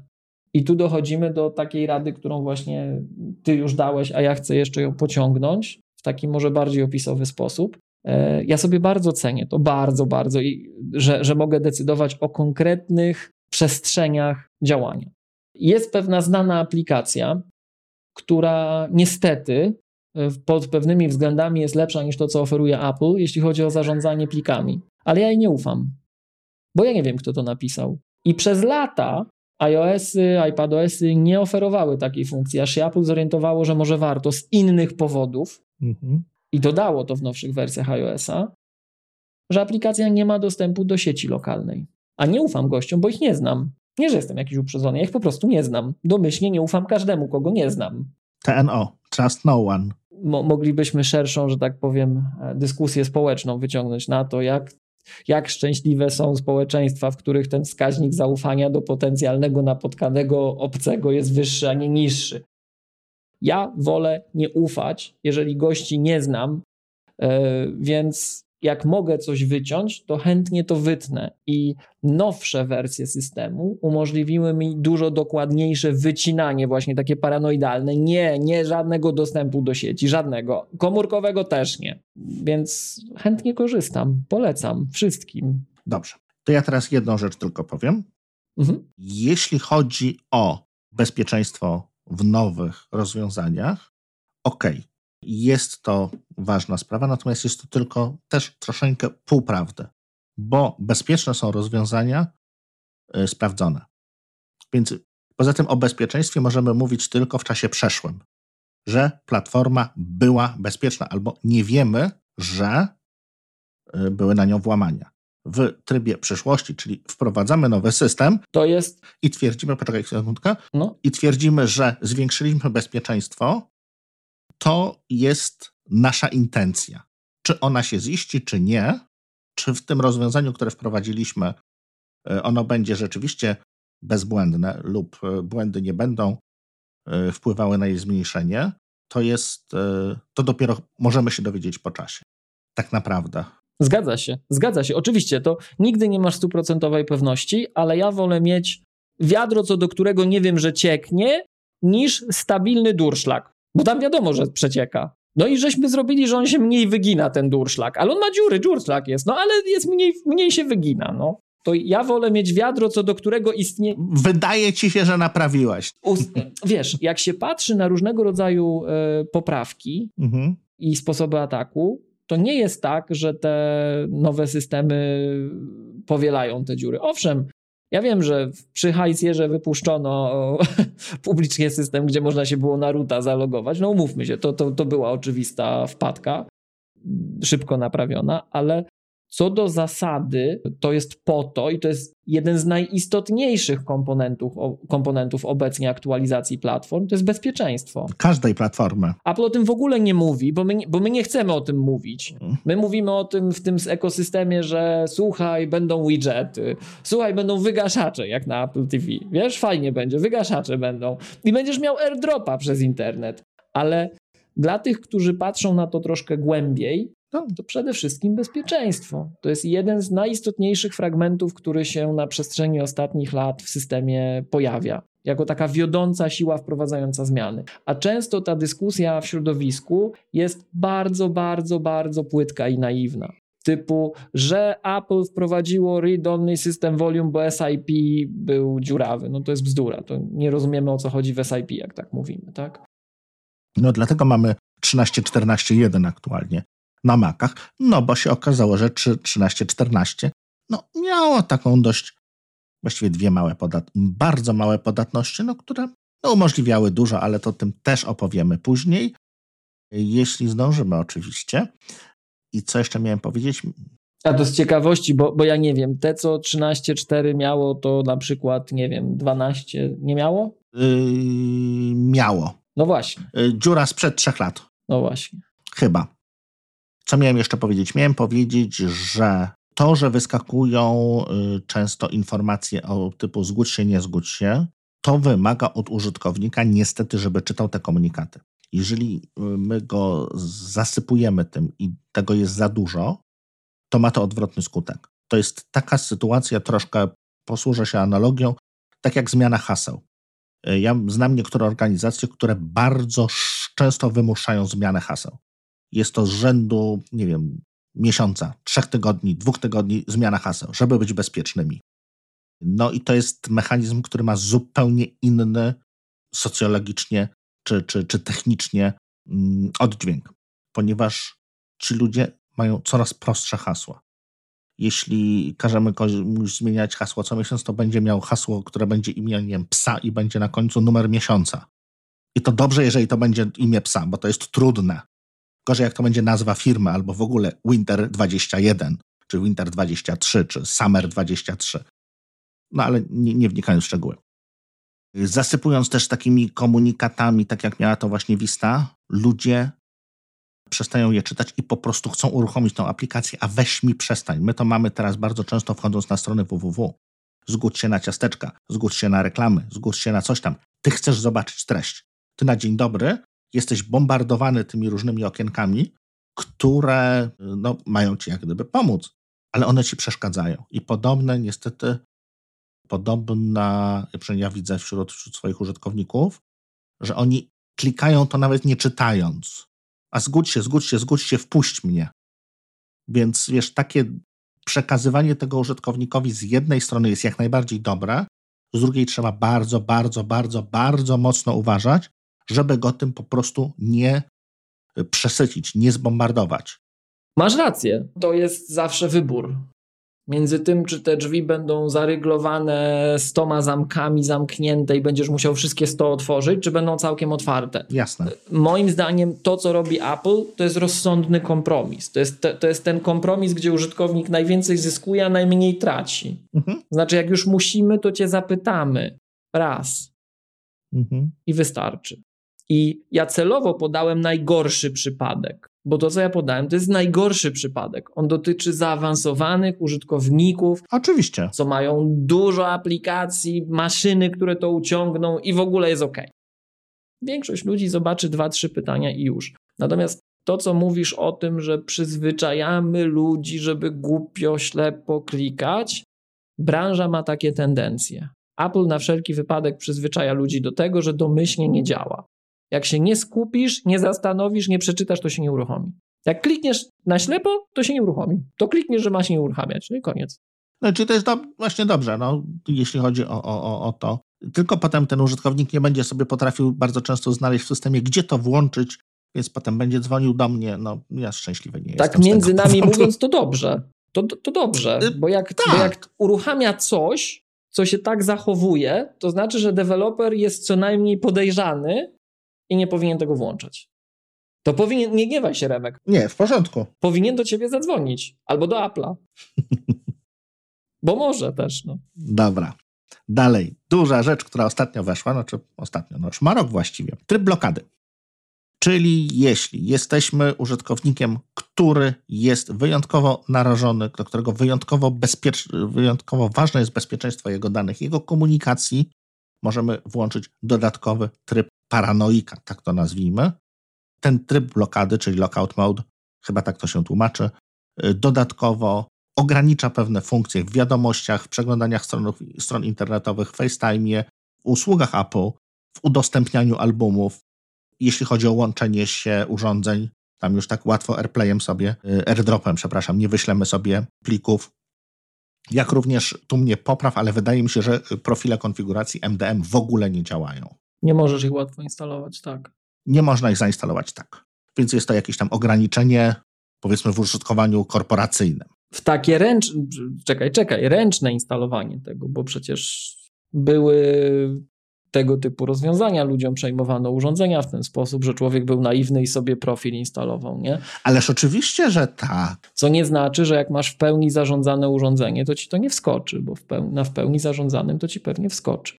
Nie wiem, znasz pewnie historię takiej aplikacji, która e, robiła VPN-a i, i, i dla takiej pewnej firmy społecznościowej, e, który miał ci e, ułatwiać pracę i tam jeszcze jakoś tam. Od niepełnoletnich do... dzieci z Rumunii dane wysyła, wysysali. Obywateli, młodocianych obywateli Unii Europejskiej. Mhm. No, no. No, to na szczęście, y, na szczęście to już jest y, kwestia historyczna i ten dodatkowy tryb blokady możemy włączyć, tak jak już mówię, raczej dla, y, dla osób, które no, rzeczywiście tego potrzebują. Ja nie mam włączonego. To ja bym, Remek, tutaj trzy rzeczy dodał do tego. Mhm. Po pierwsze, to jest taki najważniejszy, najbardziej dotkliwy przykład tego, o czym powiedziałem wcześniej. Że chcecie mieć najnowszą wersję systemu operacyjnego, nie tą sprzed dwóch lat, sprzed trzech lat, sprzed pięciu lat, bo macie romantyczne wspomnienia z tamtą. Bo tryb lockdown mode, który jest po coś, on jest tylko w najnowszej i nie przez przypadek. No ale wiesz, no, za dwa lata będzie już w tej sprzed dwóch lat, no za dwa lata będzie dodatkowa warstwa. Na tym to polega i od co najmniej 15 lat tak wygląda na naszych platformach. Więc to jest właśnie ten argument. Nie no, i oczywiście nowe funkcjonalności dochodzą i super. Wiesz, na El Capitanie, jak ludzie mówili, żeby nie instalować, bo Mavericks był fajny, weszło SIP. Na Katalinie wszedł Read-Only System Volume. Na Big Sur wszedł Sign System Volume. Teraz wchodzi lockdown i to są te kamienie milowe. Zawsze jakiś jest. I możesz zawsze użyć argumentu, no tak, bo ten już sprzed dwóch lat to ma taki system zabezpieczeń, no ale ten nowszy będzie miał kolejne, tak, warstwy. Zgadza się. I, e, i dlatego naprawdę to jest, możesz się ze mną nie zgadzać, ale ja uważam, że dla 99% użytkowników, a już w szczególności dla tych, którzy nie wiedzą lepiej i będą tych znawców w cudzysłowie słuchali, e, bo przecież oni wiedzą lepiej, tak? I wyznajdą ci jakiś wyimaginowany jeden przypadek, to ci, którzy się nie znają, bo widzą, że ten się zna, tak mówi, to dla 99% użytkowników, jak nie więcej, te domyślne mm, założenia Apple'a, moim mhm. zdaniem, na przestrzeni lat okazują się skuteczne i fajne, i chroniące, i korzystne. Dobrze. I teraz jeszcze jeden taki argument z tym lockdown mode, bo ty podszedłeś do tego tak, że jak jesteś VIP, jak jesteś potencjalną ofiarą ataków targetowanych. Mhm. Ja myślę, że nie do końca. E, że jeżeli jesteś paranoikiem albo bardzo ostrożny i te użyteczności, które ci wyłączymy, cię nie bolą, też sobie możesz włączyć, bo to nieprawda, że musisz mieć targetowany atak. To po prostu musi być atak tej klasy. I dotychczas one były targetowane, bo były na tyle skomplikowane, ale z czasem możliwości technologiczne po obydwu stronach barykady rosną. To, co Lockdown Mode w takim najpopularniejszym fragmencie robi, no to dezaktywuje ataki typu runtime. Mhm. I moim zdaniem wcale nie jest powiedziane dotychczas, owszem, tak było, że te najbardziej wyrafinowane ataki runtime to były te targetowane ataki ale nie jest powiedziane, że one się nie upowszechnią w jakimś fragmencie. I pewnie Apple wtedy elementy tego, co się stało powszechne, wkomponuje gdzie indziej, żeby to jednak nie wyłączało reszty, ale to jak się zorientują. Wiesz co, to jest kwestia tego, że upowszechnienie się ich spowoduje to, że one szybciej zostaną załatane. To, że one są targetowane, wychodzi tylko i wyłącznie dlatego, że za taki atak, czy właściwie serię połączonych podatności, bo teraz w ten sposób to wygląda, musimy zapłacić naprawdę bardzo, bardzo, ale to bardzo ciężkie pieniądze, gdzieś na czarnym rynku, nazwijmy to. Czy są to rzeczywiście na tyle już bezpieczne, na tyle skomplikowane systemy, że tylko są to dostępne dla, no, nazwijmy to po imieniu rządów, tak? czyli organizacji, które są już na samej górze tego łańcucha pokarmowego, jeżeli chodzi o wielkość. Więc teraz tak wystrzelanie się z tego, z takiej podatności i owszem, można to wpuścić na, na wszystkie telefony, ale z jednej strony, no, jaki mamy z tego zysk? No nie zdążymy tych danych przejąć, przetrawić i, i to zostanie załatane. Więc wydaje mi się, że przynajmniej na razie, jeżeli przy tej ekonomii, którą, którą mamy aktualnie, to dalej będą to kwestie rzeczywiście targetowane, takie, które będą używane tylko wtedy, jeżeli rzeczywiście jest to, no mówiąc no, opłacalne, tak? Ja się troszkę nie zgadzam. Ty patrzysz na cały produkt, ja patrzę na element technologiczny procesu tego ataku. Owszem, żeby wyciągnąć dane od kogoś, to owszem, w tym ataku, od którego się wszystko zaczęło, trzeba było przeskoczyć przerażającą ilość innych zasiek. Mhm. Oczywiście, to tylko pokazuje, że ten model bezpieczeństwa Apple jest całkiem spoko i szczelny. Natomiast wszystko się zaczęło od podatności runtime. I teraz, gdybyś miał taką podatność runtime. Czy interpretatora jakiegoś. Tak, gdybyś, gdybyś miał podatność runtime która da ci efekt jakiś, na jakim ci zależy. Niekoniecznie wyciągania i trawienia danych od ludzi, Pewnie teraz przestrzelę i strywializuję, ale chodzi mi o pewien sposób myślenia, niekoniecznie o, o konkret. Mhm. No ale gdybym ja wiedział, że na przykład mogę wykorzystać moc obliczeniową wszystkich iPhone'ów na świecie albo istotnej ilości, która gdzieś się zetknie z tym, co, no, bo to oczywiście przesada wszystkich, mhm. ale sporego procenta iPhone'ów, takiego istotnego, albo na tyle dużego, że mi się to opłaci przez 48 godzin, zanim mnie zauważą. Jestem idiotą, który kopie bitcoiny. Ja nie muszę nic trafić. Czy wiesz, no równie dobrze możesz być wrażem, agentem i chcieć zdestabilizować dany rynek i wykasować wszystkie iPhony, nie wiem. Tak, ale chodzi mi o to, chodzi mi o to, że jeżeli tego typu ataki pozwalają łatwo nawet w inną sferę wejść, a my z jakiegoś powodu odkryjemy, że tą inną sferę jakoś znowuż można przejść, albo z innego powodu jest to dla nas istotne, to ten lockdown nie musi być taki głupi. No bo z całym szacunkiem mm, jednak łamią nam czasem te urządzenia. Nie? Tak, jakoś mimo takie. W taki dość sprytny sposób, przy wszystkich zabezpieczeniach. Więc ja bym założył, że nie muszę być, wiesz, od razu takim super prezydentem, czy premierem, czy innym VIP-em, żeby ten lockdown włączać. Tylko o to mi chodzi, wiesz, o tą ocenę tutaj tej sytuacji, nie? Jasne. To teraz powiedz, czy, no bo podejrzewam, że próbowałeś, patrzyłeś, jak to jak to działa? Czy rzeczywiście zdecydowałeś się mieć to włączone? Czy... Nie, nie, ale Jednak się jest bije to za, z myślami. Jest to za duża utrata za funkcjonalności, tak. Ale się bije z myślami. No ja dokładnie jestem po tej samej stronie, jesteśmy tutaj zgodni. Wiesz, Remek, ja mam czasem tak, że ja się do pewnych kroków bardzo długo przygotowuję. Zdradzę ci pewien sekret. Tak. W zeszłym tygodniu iCloud Drive'a włączyłem. O matko na głównym komputerze, ale, ale nie chcę powiedzieć więcej. To, że włączyłem na głównym komputerze, mhm. to jest tylko część historii. Rozumiem. Takim, wiesz, moim prywatnym. Tak, takim moim prywatnym, bo no ja tego iCloud Drive'a to tam używam w różnych kontekstach, ale na takim, wiesz, na takim moim komputerze. Moim najmojszym? No, tak, moim, moim. Da. Na tym komputerze. Hmm. A masz włączone, przejdziemy teraz płynnie może, przejście. No zaawansowaną ochronę danych w iCloud? Odmawiam odpowiedzi na to pytanie. A widzisz? No to może ja poopowiadam, a ty sobie włączysz.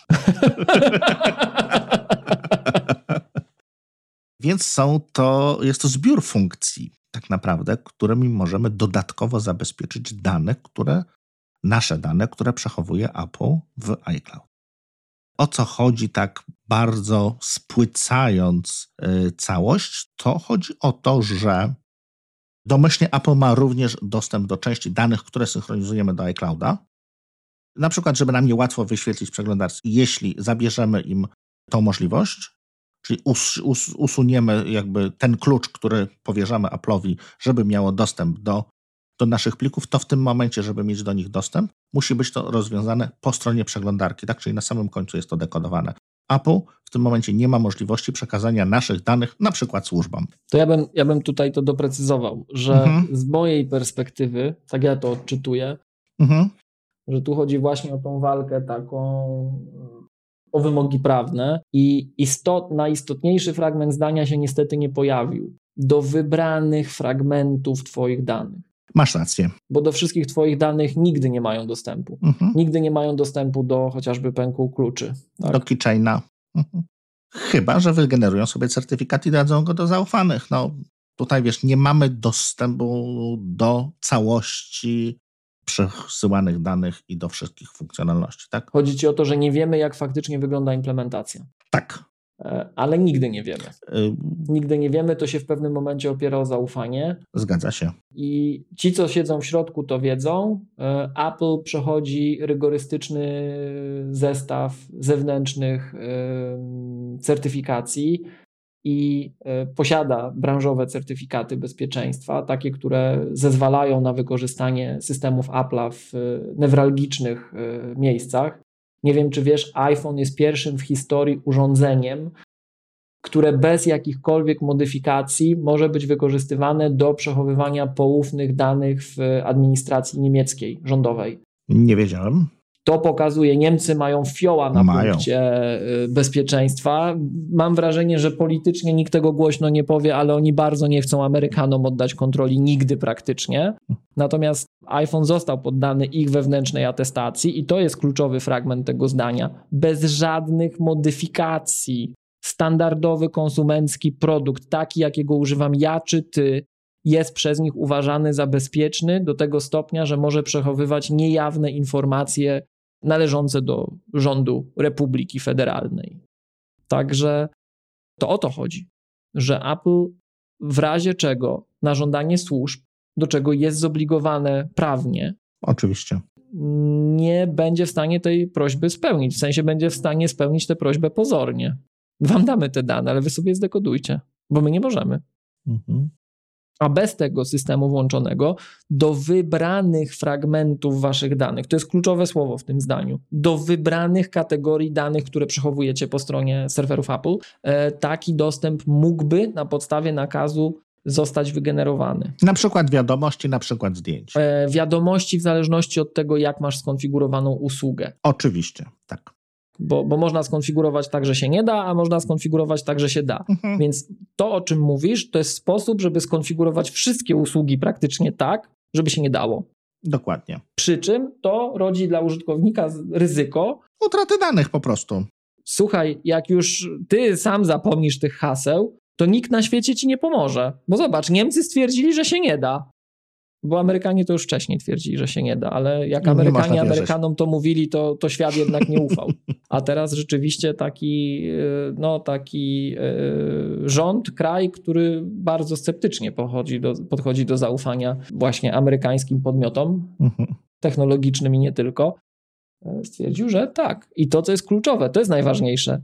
Konsumencki produkt, ta sama wersja. Nie ma lipy, nie ma ściemy. Goście wzięli i sprawdzili. I teraz pytanie, czy ufamy Apple'owi? Czy ufamy rządowi niemieckiemu? To już są, wiesz, i, i jeszcze, bo ja tak tutaj trochę może yy, pokazuję tylko pewne fragmenty. Apple przechodzi jeszcze raz bardzo rygorystyczny zestaw testów, atestacji branżowych i nie tylko. Pod różnym kątem. Na ogół to się wykorzystuje właśnie na styku administracji publicznej, różnego rodzaju rygorów, takich jak na przykład przechowywanie danych yy, zdrowotnych obywateli, czy korporacyjnych, ale ja mam wrażenie, że nie zawsze te korporacyjne są, każdy, inaczej, że każdy korporacyjny certyfikat jest tyle samo warty, jest strona Apple'owa, która to zbiera, jest dostępna, e, jeżeli przeglądacie sobie Apple Platform Security Guide, jest odświeżana na bieżąco, bo Apple przechodzi i Apple'owe platformy cały czas różnego rodzaju certyfikacje. Audyty. Mhm. Więc e, jeżeli jesteście do tego stopnia zaawansowanym użytkownikiem, żeby wiedzieć, które z tych certyfikacji co de facto oznaczają, ile są warte, to gorąco zachęcam, bo cały czas aktualizowana, zwiększająca się oczywiście lista. Natomiast jeżeli chcecie taki bardzo strywializowany, tabloidyzowany e, ogląd sytuacji, no to właśnie niemodyfikowany iPhone spełnia kryteria rządu Republiki Federalnej Niemiec. To mi się teraz, wiesz co, przypomniało, to ja też mogę, dygresję. No? Kiedyś, kiedyś, bardzo, bardzo dawno temu, jak już dinozaury już przestały biegać, ale to, to krótko po tym, mhm.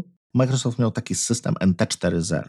Nie spotkałeś się z nim prawdopodobnie, bo byłeś wtedy na Amidze, ale oni się bardzo mocno chwalili, że ten, ja już nie pamiętam jaka to była norma, ale on spełnia jakąś normę militarną bezpieczeństwa. Mhm. Z jednym drobnym ale. Wiesz, jakie to było ale? Nie wiem. Jak jest odłączony od sieci. Dlatego zachęcam, żeby nie ufać na słowo, bo e, to jest opisane. Tylko dokładnie, to, to... Bo, to jest, bo to na papierze ładnie wygląda. Spełnia, spełnia. Nie, nie, Remek, dlatego, dlatego nie, ja... żeby było jasne. Ja nie mówię, że słuchajcie, uwierzcie nam, bo my wam mówimy, że my przeczytaliśmy, a my sami nie rozumiemy, co my czytamy, bo to się dość często zdarza, ale chętnie wam powtórzymy, że coś przeczytaliśmy i tam było, że, że fajnie jest, nie? Tak. Tylko no, jak już się mamy powoływać na jakiś autorytet, to mówię, tabloidyzacja życia. E, no i wskazujemy, tak? Mhm. Ale z drugiej strony nie wierzcie nam na słowo. Jest lista tych certyfikacji. Możecie sobie każdą, o każdej poczytać, co ona oznacza, jak ona, z jakimi reżimami się wiąże i kiedy ją uzyskały, jakie platformy, w jakich wariantach konfiguracyjnych, czy przypadkiem odcięte od sieci, bo myślę, że nie. Ale nie wierzcie nam na słowo. Sami sprawdźcie. Kochaj i weryfikuj. Oczywiście. To możemy teraz przejść zupełnie niepłynne do dodatkowych funkcji iCloud i iCloud Plus, czyli to, co właściwie zwiększa nasze bezpieczeństwo, jeśli chodzi o, o backup czy, czy synchronizację danych. To są właśnie synchronizacja zdjęć, iCloud Drive, iCloud Mail, również z własną domeną, co, co też jest od niedawna i też trzeba mieć nowy system operacyjny, żeby to działało. Keychain, który jest od dawna i, i chyba bardzo, bardzo, bardzo długo jeszcze z nami będzie. E, notatki, wiadomości, zdrowie i całe, całe mnóstwo innych aplikacji, które się synchronizują. I tak jak już mówiłem, też bardzo ważną funkcję, która no, może nie za darmo, tak, no bo tej, tej przestrzeni nie mamy aż tak dużo, ale do podstawowych zastosowań mamy za darmo z dobrodziejstwem inwentarza backup. Czyli jeżeli coś nam się stanie z tym telefonem, nie wiem, wypadnie nam nagle z ręki, rozsypie się w 154 kawałki, to jesteśmy w stanie iść do iSpota, zalogować się, czy innego dystrybutora, na przykład takiego jak Miłosz.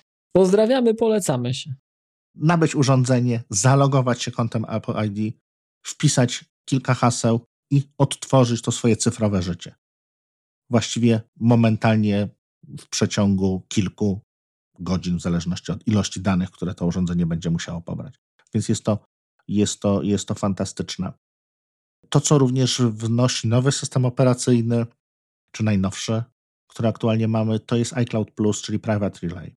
Czyli możemy dodatkowo zabezpieczyć y, naszą komunikację ze światem zewnętrznym poprzez pośredniczenie troszkę tak, już nie wnikajmy w szczegóły, troszkę tak jak działa jak VPN, czyli troszkę się chowamy przed tym operatorem, czy przed tym, kto nas może bezpośrednio śledzić w internecie.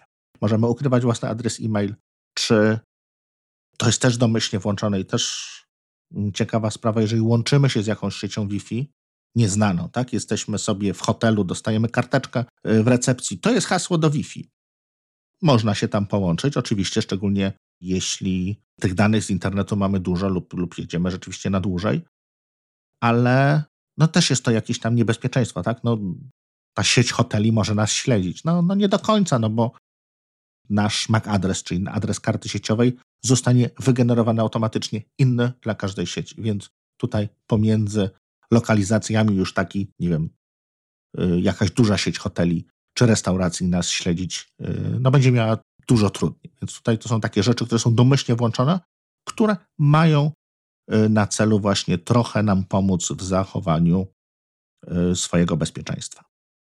To, był fajn, to było fajne rozwiązanie, to jest fajne rozwiązanie, które rzeczywiście kilka wersji wstecz wprowadziło z tą e, randomizacją MAC adresu. Tak, tak, tak. Tym losowaniem adresów fizycznych. Co dla mnie jako administratora bi, bywa problematyczne, bo znalezienie takiego nic ponia w sieci jest trudniejsze. Ale tak, tak. To jest, to jest kolejna kłoda. Myślę, że mogą próbować to trochę obchodzić, ale jest zdecydowanie trudniej i prawdopodobieństwo, że trafili, spada. I to o to chodzi. Mhm. No i jeszcze przede wszystkim możemy sobie Apple ID od niedawna zabezpieczyć również przy pomocy klucza takiego sprzętowego, yy, na przykład zgod znaczy zgodnego z FIDO 2, czyli dodatkowe zabezpieczenie. Tak jest. I to było tyle o bezpieczeństwie. No wyszło mi trochę dłużej niż pół godziny, ale było trochę dygresji, więc no godzinę mi wyszło. Dobrze. No, czuję się prawie rozgrzeszony. Dobrze, że do jutra nie nagrywamy. Nie jest źle. Nie jest źle. No to dobrze. No to teraz będzie ten, to teraz będę wpychał ten e, w szprychy czy, czy, czy, czy, czy, czy, czy patyki różne, bo sobie wyzbierałem takie fakty, czy też fakty medialne, bo to są trochę, trochę jednego, trochę drugiego. Będę wytykał jakby problemy, gdzie no coś do końca albo nie było, najczęściej nie było, albo dalej nie jest super fantastycznie zrobione, tak? Gdzie jakieś nawet e, rozwiązanie, z którego korzystamy, które uważamy za bardzo dobre, no jednak do perfekcyjnych nie należy. Przynajmniej według mnie. Mhm. Co idzie na pierwszy, na pierwszy ogień, to jest, e, to już jest sprawa troszkę wiekowa, bo to jest e, artykuł z 24 lutego z Wall Street Journal. Mhm. Jan Stern. E, bardzo pozdrawiamy, bardzo cenimy, przynajmniej ja. Dotyczy to kradzieży passcode. Czyli jak to wygląda w praktyce? Jest to, czy była to plaga, e, gdzie zaczęły ludziom ginąć telefony w barach, e, czy, czy w restauracjach, czy w takich miejscach, gdzie no, powiedzmy, nie jesteśmy aż tak uważni czasami. Polegało to na tym, że przestępcy w jakiś sposób starali się zmusić ofiarę do tego, żeby wpisała kod blokady na swoim iPhone'ie. Podglądali, co ona wpisuje. No, powiedzmy, po kilku piwach może się to udać. I y, ten telefon kradli. To nie byłby problemem jako takim, tak? No, straciłem telefon, ktoś go sobie wykasuje, sprzeda. Jesteśmy te kilka set dolarów czy kilkanaście setek dolarów w plecy. Przy czym mm, niestety, znając e, kod blokady telefonu, złodziej jest w stanie zmienić hasło przy pomocy tego telefonu, który już trzyma, tak, który ukradł, jest w stanie zmienić hasło Apple ID, bo posiada telefon i posiada kod blokady. Mhm. Jeżeli zmieni hasło Apple ID. I telefon jest zalogowany do tego Apple ID, to jest jedno z zaufanych tak, urządzeń. Tak, tak, tak, tak. Mhm może wyłączyć Find My, może wylogować z innych zaufanych urządzeń i wprowadzić je w tryb blokady, mhm. czyli nie dostaniesz się już do swojego Maca mhm. I do żadnych danych, które jego są, tak, bo masz wszystko dziennie zaszyfrowane. Powinieneś mieć backup, ale no, no, no. Y, no, zgadza się. Chyba, że backup też zaszyfrowałeś. Przy domyślnych ustawieniach nie do końca, ale okej. Okay. Time Machine nie. Tak, znaczy to zależy od y, systemu, w którym masz zrobiony backup też, tak? Mhm. Jest w stanie zmienić zaufane numery telefonów, mhm. no bo ma dostęp do wszystkiego. Mhm. Ma dostęp do Apple Pay. Y, ludziom zamawiano karty kredytowe Apple i robiono zakupy. Co więcej. Czekaj, czekaj, czekaj, czekaj, czekaj. Dostępu do Apple Pay nie mają, z tego co wiem. Nie mogą wykorzystać. Płatno, Apple Card to jest co innego. No, ale możesz zamówić, jeżeli nie masz karty. Ale Apple Card, nie Apple Pay. No kart, dobrze, dobrze. Apple Pay? Nie, nie, nie, żeby było jasne, bo w Polsce jest Apple Pay i tego się nie da tym mykiem użyć. Dlaczego? Możesz przecież zapłacić przy pomocy PIN-u. Nie musisz y, biometrią płacić. Tak, ale nie wyciągniesz tego na zewnątrz. No, no tak, no, ale możesz y, no, zrobić zakupy. W tym jednym urządzeniu, które przejąłeś, jeżeli tak. oddałeś tak. komuś kod, no to sorry. No, okej, okay, dobrze. Ale nie ma czegoś tak, bo żeby, żeby to Remek wybrzmiało, że mhm. zobacz, co ty powiedziałeś, że masz dostęp do Apple Pay, możesz zamówić Apple Card, bo masz dostęp do iClouda. Nie, nie, nie, nie, nie, nie, nie, nie, nie, to nie ma jedno z drugim nic wspólnego. Masz kod do urządzenia, więc możesz płacić danym urządzeniem. To jest tak, jakby miał twoją kartę i PIN do tej karty. Zgadza się. Tą konkretnie kartę. Apple Card jest zewnętrzną rzeczą, zewnętrzną usługą, która była powiązana z Apple ID do celów rozpoczęcia świadczenia tej usługi. Notabene niedostępną w Polsce, więc nas to nie dotyczy. Zgadza się. I ważna rzecz, nie da się przejąć kontroli nad czymkolwiek innym niż fizycznie posiadane przez ciebie urządzenie, jeśli chodzi o Apple Pay, przez iClouda. W ogóle się nie da, a do fizycznego urządzenia możesz tylko dlatego wykorzystać je, bo masz hasło do tego urządzenia. Tak. Apple Pay opiera się na tym, że to fizyczne urządzenie staje się kartą zabezpieczoną lepiej niż jakakolwiek fizyczna karta out there. Tak. To jest bezpieczniejsze niż to, co ci bank daje. Tak, oczywiście, tu nie ma. I, I to jest to urządzenie konkretne, i tylko dlatego tym możesz zapłacić, no bo oddałeś kod do tego urządzenia. Tak? No dobra, ale. iCloud nie ma nic do tego. Chodziło mi o to, że jesteś w stanie w tym momencie, jeżeli masz przyjętą kontrolę nad Apple ID, zamówić na swój adres czy dowolny adres Apple Card w Stanach. W Stanach. Tak. Kropka. Jeśli masz synchronizowane dane z keychainem, na przykład dane swojej bankowości, nie polecamy, mimo wszystko, to jesteś w stanie się dostać do, tego, do tych danych z tego urządzenia. To ja się tu nie zgodzę. Ja w tym miejscu powiem, że ja akurat polecam. Możemy zaraz dojść do dlaczego ta sytuacja jest aferą i nie jest aferą równocześnie, moim zdaniem. Ale okej, okay, na razie idziemy. Teraz tak, y, jeśli nie daj Boże miałeś y, gdzieś jakieś zdjęcie dowodu, które gdzieś wysyłałeś mhm. i to zostało, no to dane, czyli nasz PESEL, y, powiedzmy, jest również do, do przejęcia, może to być dalej problematyczne. PESEL w Polsce jest jawny w wielu przypadkach. Niestety tak.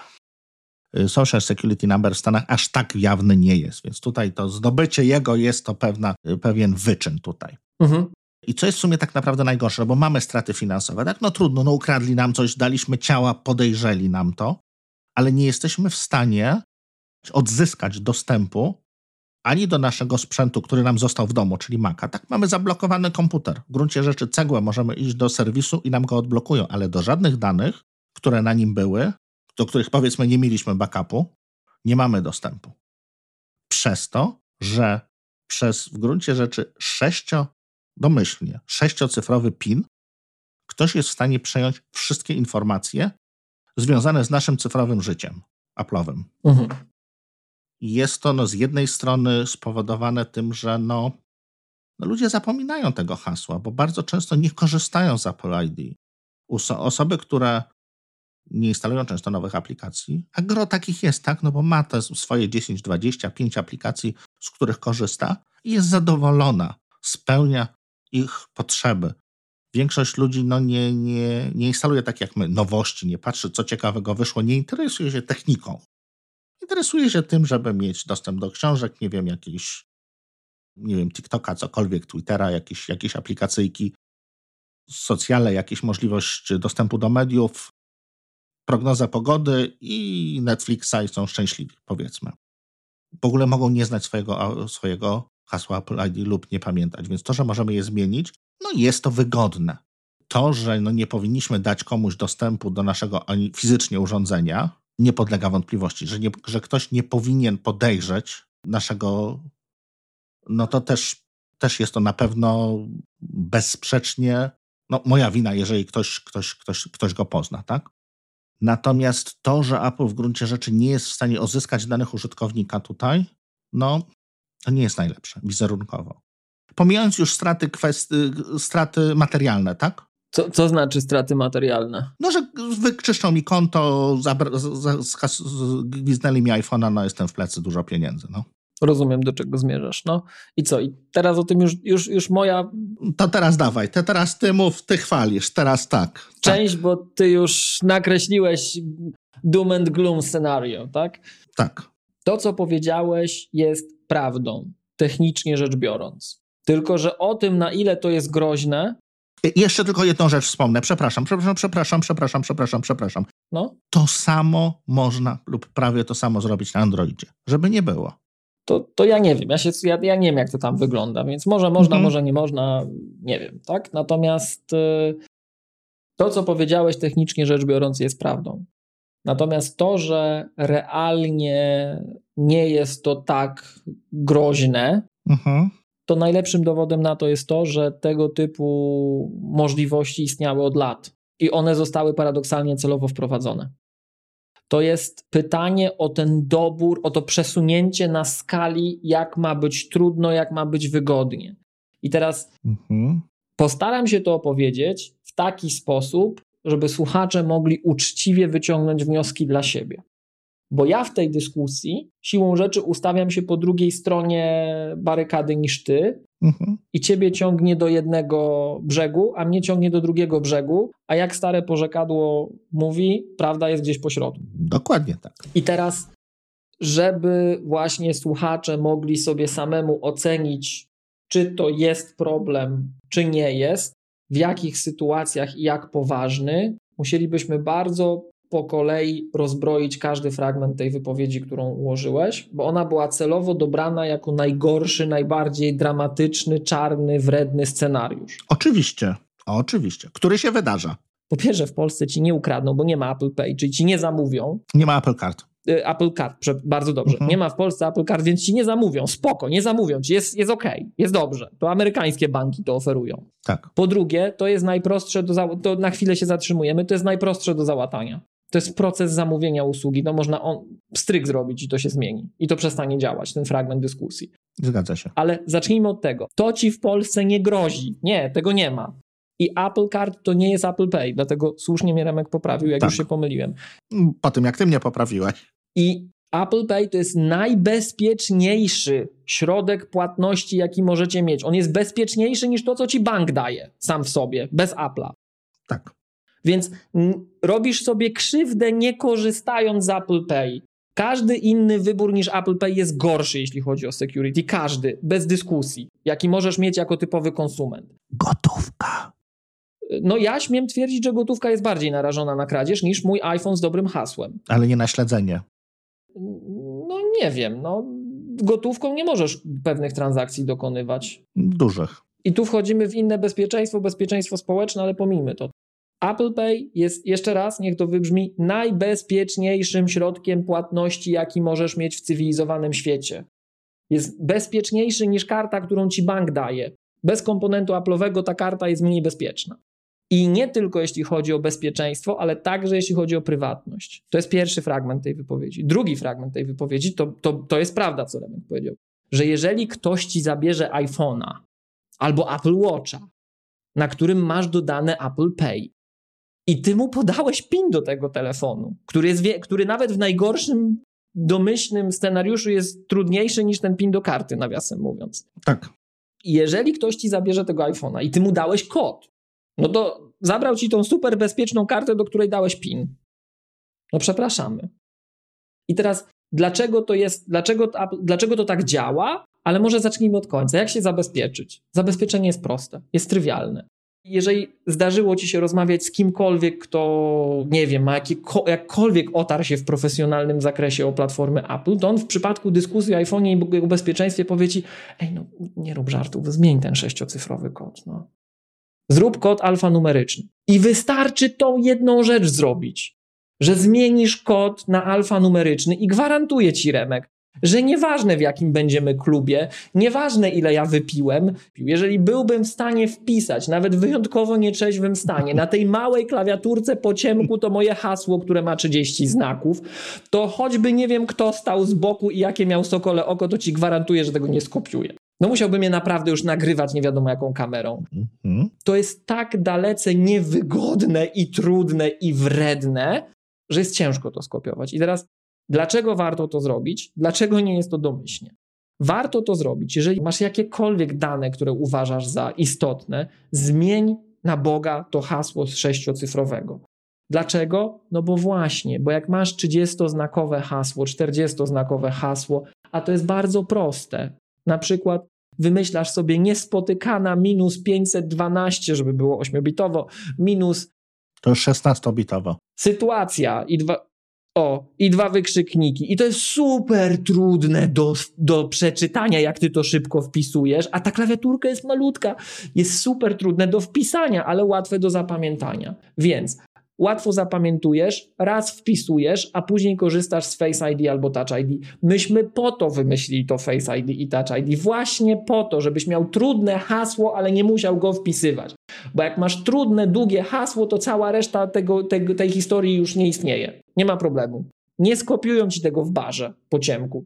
Bo uwierzcie mi, jak ludzie widzą w biały dzień, stojąc przede mną, jak ja wpisuję moje hasło, nie są w stanie zapamiętać, jak ja mam hasło. Nawet jak trzy razy wpisuję, bo się pomyliłem. Druga sprawa, to przepraszam, wejdę ci w słowo. Jeśli yy, powiedzmy, no, korzystanie z tej małej klawiatury nie jest dla wszystkich yy, wygodne. Tak, no są osoby, które nie są nie mają na tyle dobrego wzroku na przykład, tak? Mhm. To tutaj niezłym pomysłem jest również to, że możemy wybrać, że chcemy użyć długiego hasła i jeśli w tym naszym długim haśle, na przykład, nie wiem, dwunastocyfrowym, użyjemy tylko cyfr, na znakowym, co, dlatego powiedziałem cyfr, to pojawi nam się ta klawiaturka dalej duża, ale będziemy musieli wpisać te 12 cyfr i je zatwierdzić na koniec. Więc to też jest dodatkowe jakieś tam trochę lepsze zabezpieczenie, bo możemy wydłużyć z tego 6-pinowego na na przykład, nie wiem, 10 czy, czy tak jak mówiłem, nie wiem, 20 czy tam 10-znakowe yy, hasło. Tak. Więc możemy troszkę przyjem, trochę, trochę mieć wygody jednak mimo wszystko, bo no, umówmy się, no ta klawiatura ekranowa no nie jest najwygodniejsza, tak? Wstajesz rano, jeszcze wiesz, trzeźwy oczywiście jak zawsze, natomiast no jednak ta zbieżność, tak? Jeszcze tutaj jednym okiem śpisz, chcesz odblokować, akurat no Face ID nie zadziałał, no bo jesteś wyjątkowo... Jeszcze nie przypominasz siebie. Nieprzytomny, tak, dokładnie, no to wpisanie tego, tego hasła długiego, alfanumerycznego, no może być, może być problematyczne, no to tutaj można sobie w ten sposób pomóc. No i wracając. Mhm. Cała ta afera, cała ta afera wynika z tego punktu, o którym mówimy, że ktoś przejął twoje hasło. I teraz, dlaczego cała kaskada dodatkowych rzeczy na, może nastąpić? Dlaczego moim zdaniem najczęściej nie nastąpi? A jak już jesteś tutaj zdyscyplinowany, to na pewno nie nastąpi. Apple wprowadziło możliwość resetowania hasła Apple ID z zaufanych urządzeń, czyli z tych, którym ufamy, które na przykład zostały dodane do naszego pęku kluczy w chmurze, czyli z tych, które i tak uważamy za mega mhm. istotne i których należy hasła strzec jak niepodległości, bo nawet jak ci nie ukradną tego urządzenia i nie sczytają tych innych rzeczy, to właśnie ci takie kuku zrobią, że się nie pozbierasz. Chyba. I jeszcze jedna, czekaj, czekaj, czekaj, czekaj, jeszcze jedna rzecz. Typowo jak Apple za pierwszym razem to włącza, to cię ostrzega. Stary, zwróć uwagę, weź się skup, skup się teraz, bo będziesz ważną bardzo rzecz robił. Mhm. Dodajemy to nasze urządzenie do tej puli zaufanych urządzeń. Każde dodanie następnego wymaga autoryzacji poprzednim, żebyśmy wiedzieli, że to ty. I tak było historycznie, no ale właśnie, spora część naszych użytkowników, znaczy spora to złe słowo, na tyle istotna, żebyśmy to odnotowali, żeby to zaczęło być dla wszystkich problemem i dla tych użytkowników, mhm. i dla Apple'a, wykazywała się pewną niefrasobliwością. I się okazywało, że wszystko fajnie, no tam coś czytałem, no włączyłem sobie, nie, a teraz nie mogę się dostać, no nie mogę, pomóżcie. I Apple przez lata szukało takiej złot, takiego złotego środka. Były takie wredne scenariusze, na przykład słuchaj, bo my próbujemy ci zresetować to hasło, nie? Zadzwoniłeś do nas, więc my się umawiamy z tobą tak. My ci będziemy maila wysyłać co dwa tygodnie, a odblokujemy ci hasło za dwa miesiące. Za dwa miesiące stary bądź pod tym numerem telefonu, z którego do nas dzwonisz o tej i o tej godzinie, my do ciebie zadzwonimy. Mhm. I jak będziesz, a przez, wcześniej przez te dwa miesiące, co dwa tygodnie atakujemy ten adres, że jeżeli to jednak ty nie jesteś tym właścicielem, bo my już nie mamy sposobu, żeby udowodnić, że to ty. Tak? Taki deadman switch, oczywiście. My już ci musimy mhm. zaufać. Nie ma wyjścia. Albo byśmy ci to tak zaszyfrowali, że utracisz te dane, wiesz, te, te jak młody kaziutek trzylatka pierwszy raz coś zrobił, już więcej nie będzie miał tych trzech latek, już nie da się tego odzyskać, bezcenne. Więc Zgadza to się. jest wybór. Zgadza się. I była procedura ultra wredna, która wszystkich denerwowała, ale i tak już była kompromisem, że myśmy to chcieli zrobić po tych wszystkich zasiekach. Więc z czasem przesunięto ten balans, widząc, że wszystkich to frustruje. To, jest, to, to, to, był, to był dramat totalny. Mhm. Przesunęliśmy to w tę stronę, w której ty posługujesz się zaufanymi urządzeniami.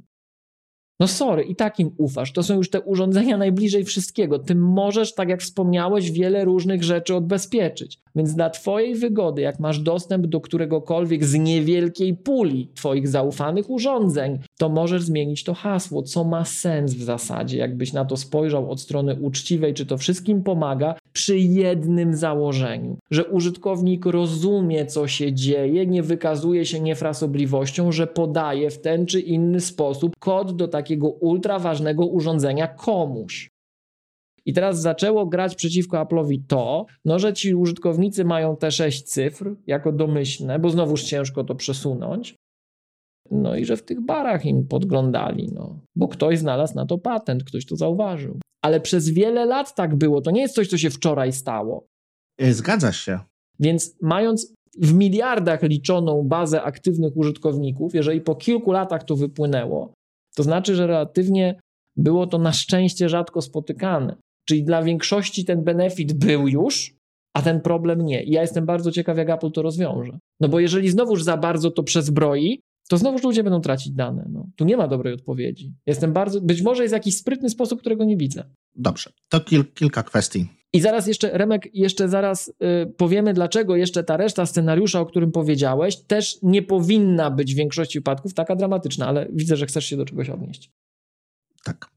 Popraw mnie, jeśli się mylę. No. Jeśli mamy, tworzymy sobie na urządzeniu coś, co się nazywa y, klucz odzyskania recovery key, czy on w tym momencie Do czego klucz odzyskania? do Apple ID No, mów dalej. to Na Macu. nieważne, na, również może być na iOSie, na, na dowolnym urządzeniu. No dobra, no. To również jest nam do tego potrzebny passcode na, y, na iOSie. Tworzymy sobie na przykład nowe hasło, oczywiście podajemy Apple ID, jesteśmy zweryfikowani numerem telefonu, no który mamy, tak, no bo gwiznęliśmy właśnie ten, y, ten telefon i jesteśmy potem pytani o to, czy chcemy y, dodać właśnie recovery key. Możemy go sobie wygenerować, czyli pojawi nam się na ekranie ten klucz odzyskiwania. Musimy go oczywiście wpisać później, czyli jest Apple sprawdza, że rzeczywiście no, nie przelecieliśmy tego i, i mamy do niego dostęp. To po wykonaniu tego klucza nie są od, y, domyślnie usuwane powiązania z y, reszty naszych urządzeń. Wydaje mi się, że są właśnie. Bo to jest już w tym momencie ten klucz odzyskania, a nie te urządzenia. Tak mi się wydaje, tak. No. No więc wiesz, tutaj jesteś, jesteś w stanie też, no, przejmując ten jeden telefon, odciąć nas, odciąć mnie od, od całej reszty. Mówisz, jak wygenerujesz ten recovery key. Tak, o to ci tak, chodzi. tak, na, Tak, na, na, no. na, na ukradzionym telefonie. No to jest Tak, dodatkowo. Ale to możesz zrobić prościej. Możesz po prostu wyrzucić te urządzenia z puli Apple ID albo zmienić hasło. Mhm. Więc chodzi mi teraz, Nie musisz robić recovery key. mm, masz rację. To teraz w gruncie rzeczy Apple nas pyta y, o wiele różnych rzeczy, tak? Mhm. Czy jeśli jest, nazwijmy to podatność, może niepodatność, może luka, nie luka, niefrazobliwość to również nie jest. Jest to w jakiś tam sposób, tak jak mówiłeś, postawienie tej, tej granicy w którymś momencie, tak? Apple nas pyta w, o postawienie wielu granic. To czy o to również przy uruchamianiu nowego systemu, czy upgrade'zie nie uważasz, że powinno być pytanie, tak? Czy Nie. chcesz, Uważam, że nie. żeby twoje, twój PIN umożliwiał zmianę hasła? Jedno takie pytanie, tak? I w tym momencie, no wiem, że nieświadomy użytkownik jasno napisze, no pewnie tak, no ale w tym momencie to jakby już je- jest jego wina. Trochę przerzucamy na niego tą kwestię. Eee, Okej, okej. Rozumiem, o co ci chodzi. Teraz jeszcze może tylko podpowiem, co ewentualnie mi się wydaje na teraz możemy sobie zabezpieczyć. Tak, powiedziałeś bardzo dobrze, długi passcode. Tak. Mhm. Druga sprawa, jeśli według mnie, jeśli mamy jakieś y, informacje w zdjęciach, gdzie są, nie wiem, numery dowodów, paszportów, PESEL, prawa jazdy, tego typu rzeczy, raczej się tego pozbądźmy. I to nawet nie chodzi o ten, o to, o to, o ten, o ten, o ten problem, tylko w ogóle. To się synchronizuje, dajemy jakimś aplikacjom dostęp, gdzieś puścimy za dużo, nie warto. Tego lepiej tam nie mieć. Tak mi się wydaje przynajmniej. Czy ja tego unikam. I kolejna sprawa, na teraz, przy tym problemie, ja również pozbyłbym się z Keychaina aplikacji umożliwiających płatność. Czyli na przykład, nie wiem, PayPala, dostępu do banku. No czekaj, czekaj, czekaj. W polskich warunkach, w cywilizowanym świecie, w Unii Europejskiej, Mhm. same kredki, czyli hasła do banku, nic ci nie dają, bo masz obowiązek podwójnego uwierzytelnienia przy dokonywaniu operacji bankowych. Bankowych tak, ale już biorąc pod uwagę, Więc strzelisz sobie w stopę, a nic nie uzyskasz w zamian. no wiesz co, przy piątym przelewie będę musiał potwierdzić. Gdzie przy każdym musisz potwierdzić. Nie przy każdym. Domyślnie, nie? To widzisz, Nie. to ja mam, fajny ba- ja mam fajne banki, bo u mnie przy każdym. Nie, chyba co, chyba, Przy każdym najmniejszym przelewie poza moje konto muszę potwierdzić. Nie. I byłem przekonany, że to ta dyrektywa płatnicza w Unii wymusiła, ale może ja czegoś nie wiem, może jest limit kwotowy. Może jest coś, ja wiem, że nie, nie może tam, tam, gdzie już prze, przelewałem, to, to nie muszę potwierdzać, ale rzeczywiście czasem, czasem przychodzi SMS, czasem jest to powiadomienie y, na aplikację, no ale wiesz, ten SMS też ci przyjdzie, tak, bo ten telefon masz. Tak, tak, tak, tak. Powiadomienie w aplikacji też ci przyjdzie. Ja zakładam, że ty to usuwasz, bo zakładasz, że ktoś ci się dostanie do tej chmury jakimkolwiek fragmentem. No nie, że tutaj chodzi, chodzi mi o ten, o ten atak, tak? Tutaj, tutaj, jeśli chodzi o usunięcie danych. Bo, wiesz, mówiłeś na przykład o tym, że tam zdjęcia, ktoś widzi tego typu rzeczy. Nie, no zdjęcia globalnie, tak? Dobrze. A to, mhm. to jeżeli chodzi o, o. Jeżeli ktoś ma hasło do twojego urządzenia, z którym, które jest zaufanym urządzeniem iCloud, to on może wszystko to już cała reszta jest, jest y, przegrana. On wszystko może zrobić.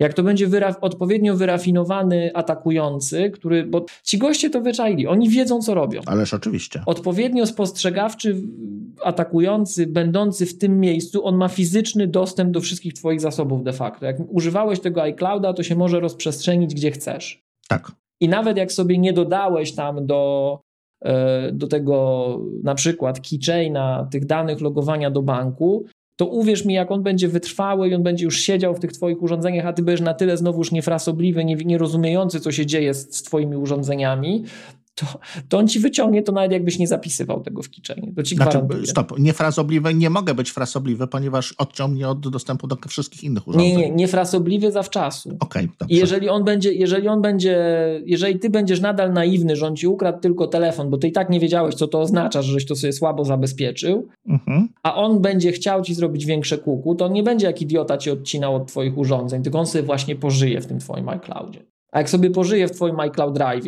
i zobaczy, co ty tam masz i namierzy, co ty, czego ty używasz, z jaką wersją systemu operacyjnego i nie daj Boże masz jeszcze starą, e, no to, to my ci zrobimy kuku. No to nieważne, czy starą, czy nie starą. I to teraz też nieważne, czy on gdzieś odetnie, to i tak nic nie zrobię. Ale Remek, jeszcze raz, bo ty bierzesz najprostszy przykład. Ale ja zakładam, że jak ty nie rozumiesz, co się dzieje jako user, bo nie rozumiesz, jak sobie dałeś podprowadzić urządzenie tak załadowane, tak niezabezpieczone, to ty nie rozumiesz, co się dzieje. To, to ten atakujący, którego ty wymieniasz, i tutaj znowuż jesteś niespójny, bo jeżeli on ci te urządzenia wyczyści, to to nie jest twój największy problem. Nie, nie mam dostępu do danych moich tym momencie. E, no właśnie, ale to, to, to jest jeden scenariusz, który rysujesz, ale drugi scenariusz jest taki, że on ci zacznie wyłuskiwać dane z PayPal i innych fragmentów, więc tutaj... To nie jest wyłączający się scenariusz, tylko uzupełniający. Może, ale nie musi. Tak. Dlatego ja to stopniuję, żeby pokazać, że to nie jest, że to nie jest takie łatwe i jak gość ma dostęp do twojego urządzenia, to przegrałeś wszystko. I nieważne, jak to skonfigurujesz, bo możesz mieć bardziej, bardziej roztropnie skonfigurowany komputer. Ktoś ci skonfigurował, że nie masz włączonego iCloud Keychain jako takiego, mhm. na przykład na Macu, na którym masz zapisane hasła do banku. To jest bardzo rozsądna strategia, naprawdę. Paradoksalnie to, żebyś te hasła, w szczególności na laptopie miał, to jest dobra strategia. Bo jakbyś kiedyś potrzebował tym kompem zrobić przelew gdzieś na mieście na przykład, to przykładasz paluszek i się wpisuje. Nic nie przepisujesz jak zwierzę jest szybsze, jest bezpieczniejsze, autoryzację i tak masz przez inny czynnik. I teraz załóżmy, że ty nawet to jakoś wykombinowałeś. Ktoś ci skonfigurował te urządzenia, że masz wyłączoną synchronizację pęku kluczy na Macu. Na Macu zapisałeś to hasło bankowe, bo to jest rozsądna strategia, naprawdę, jeżeli masz laptopa. E, ale ktoś ci przejął iPhone'a to on nawet nie mając synchronizowanych haseł, bo nie masz w pęku kluczy tym w chmurze, tego masz tylko lokalnie, co jest rozsądne, tak? Mhm. Ale gość ma dostęp do twojego iClouda swoim hasłem. On ci może na tego Maca wejść tylnymi drzwiami, a jeszcze jak nie daj Boże masz niezaktualizowany system, to otwar, otworem stoi. Choćby przez jakiegoś iCloud Drive'a, czy coś, co tam będziesz miał włączone, bo coś będziesz miał włączone na pewno. Znajdzie jakąś lukę, znajdzie jakiś wytrych i ci wlezie, i ci wyciągnie wszystko. Więc w momencie, jak on ma dostęp do Twojego urządzenia zaufanego, to już jest przegrana sprawa. Tak naprawdę. To zależy od wytrwałości, nawet nie takiej, wiesz, to nie musi być wyrafinowanie wielkie tego atakującego. On nie musi mieć zero DI żadnych. W jakim, dobrze, w jakim e, aspekcie przegrana sprawa? No, że on może ci się rozprzestrzenić na każde urządzenie w sposób, w jaki chcesz. Okej. Okay. Jeżeli to jest do, zalogowane do Twojego iClouda.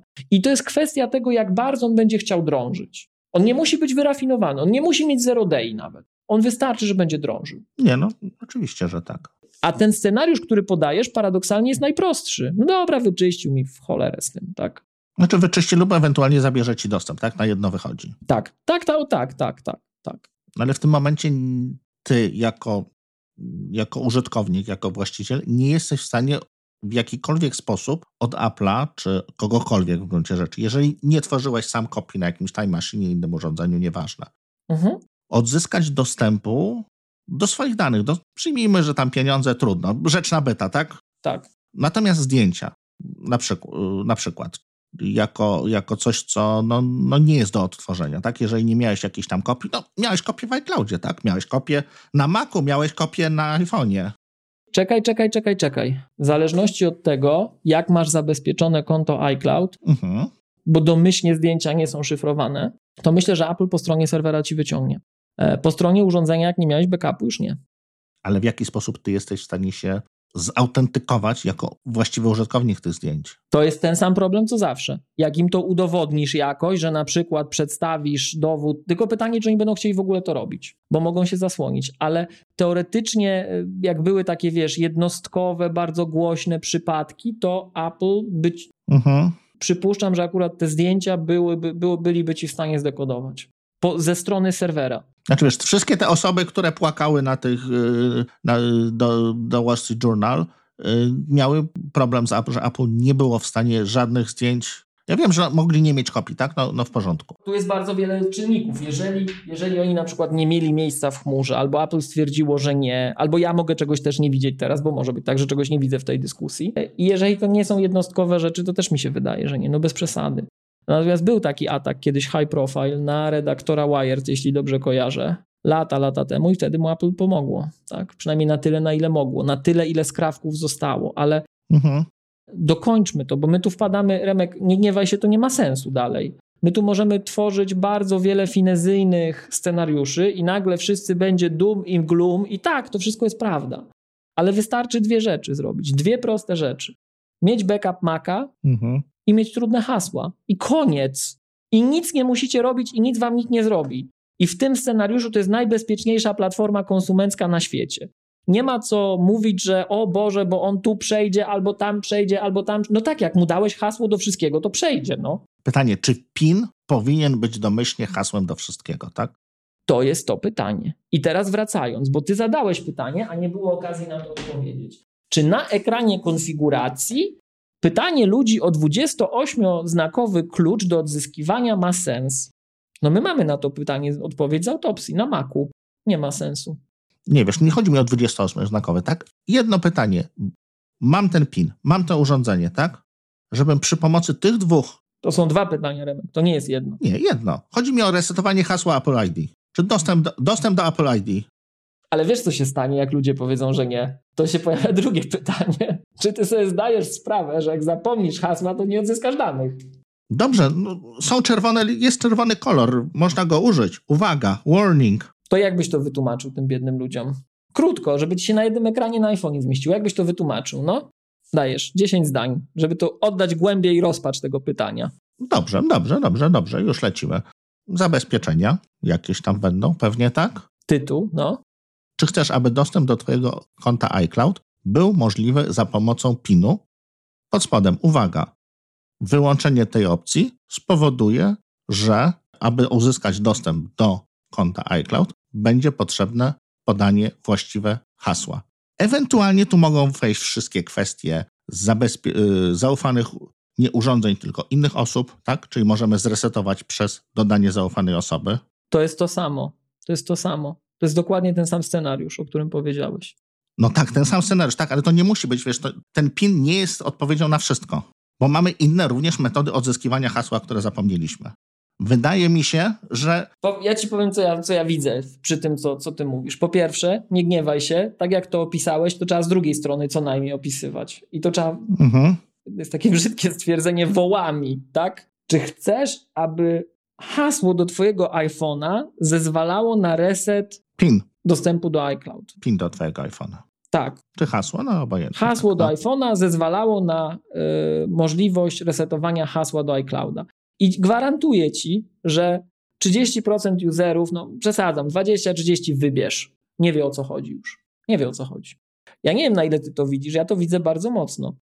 Takie postawienie pytania sprawia, że spora liczba użytkowników, Mniej zaawansowanych? która nie jest na tyle zaawansowana, żeby rozumieć znaczenie tego pytania, już jest zgubiona. No tak, ale. A tak, to ale... oni Mhm. są tymi, są beneficjentami obecnie tego stanu rzeczy, który jest i zarazem potencjalnymi ofiarami. Tylko my z drugiej strony bardzo często bombardujemy tego użytkownika rozwiązaniami typu włącz rozwią- y, uwierzytelnianie dwupoziomowe. No, są, no, jak wchodzimy w te kwestie bezpieczeństwa, tak, no to jakoś niestety musimy się y, z tą terminologią również trochę zetknąć, tak? No ale widzisz, widzisz, widzisz, widzisz. To jest Zgódź się, zgódź się na, nie wiem, na logowanie, na synchronizację.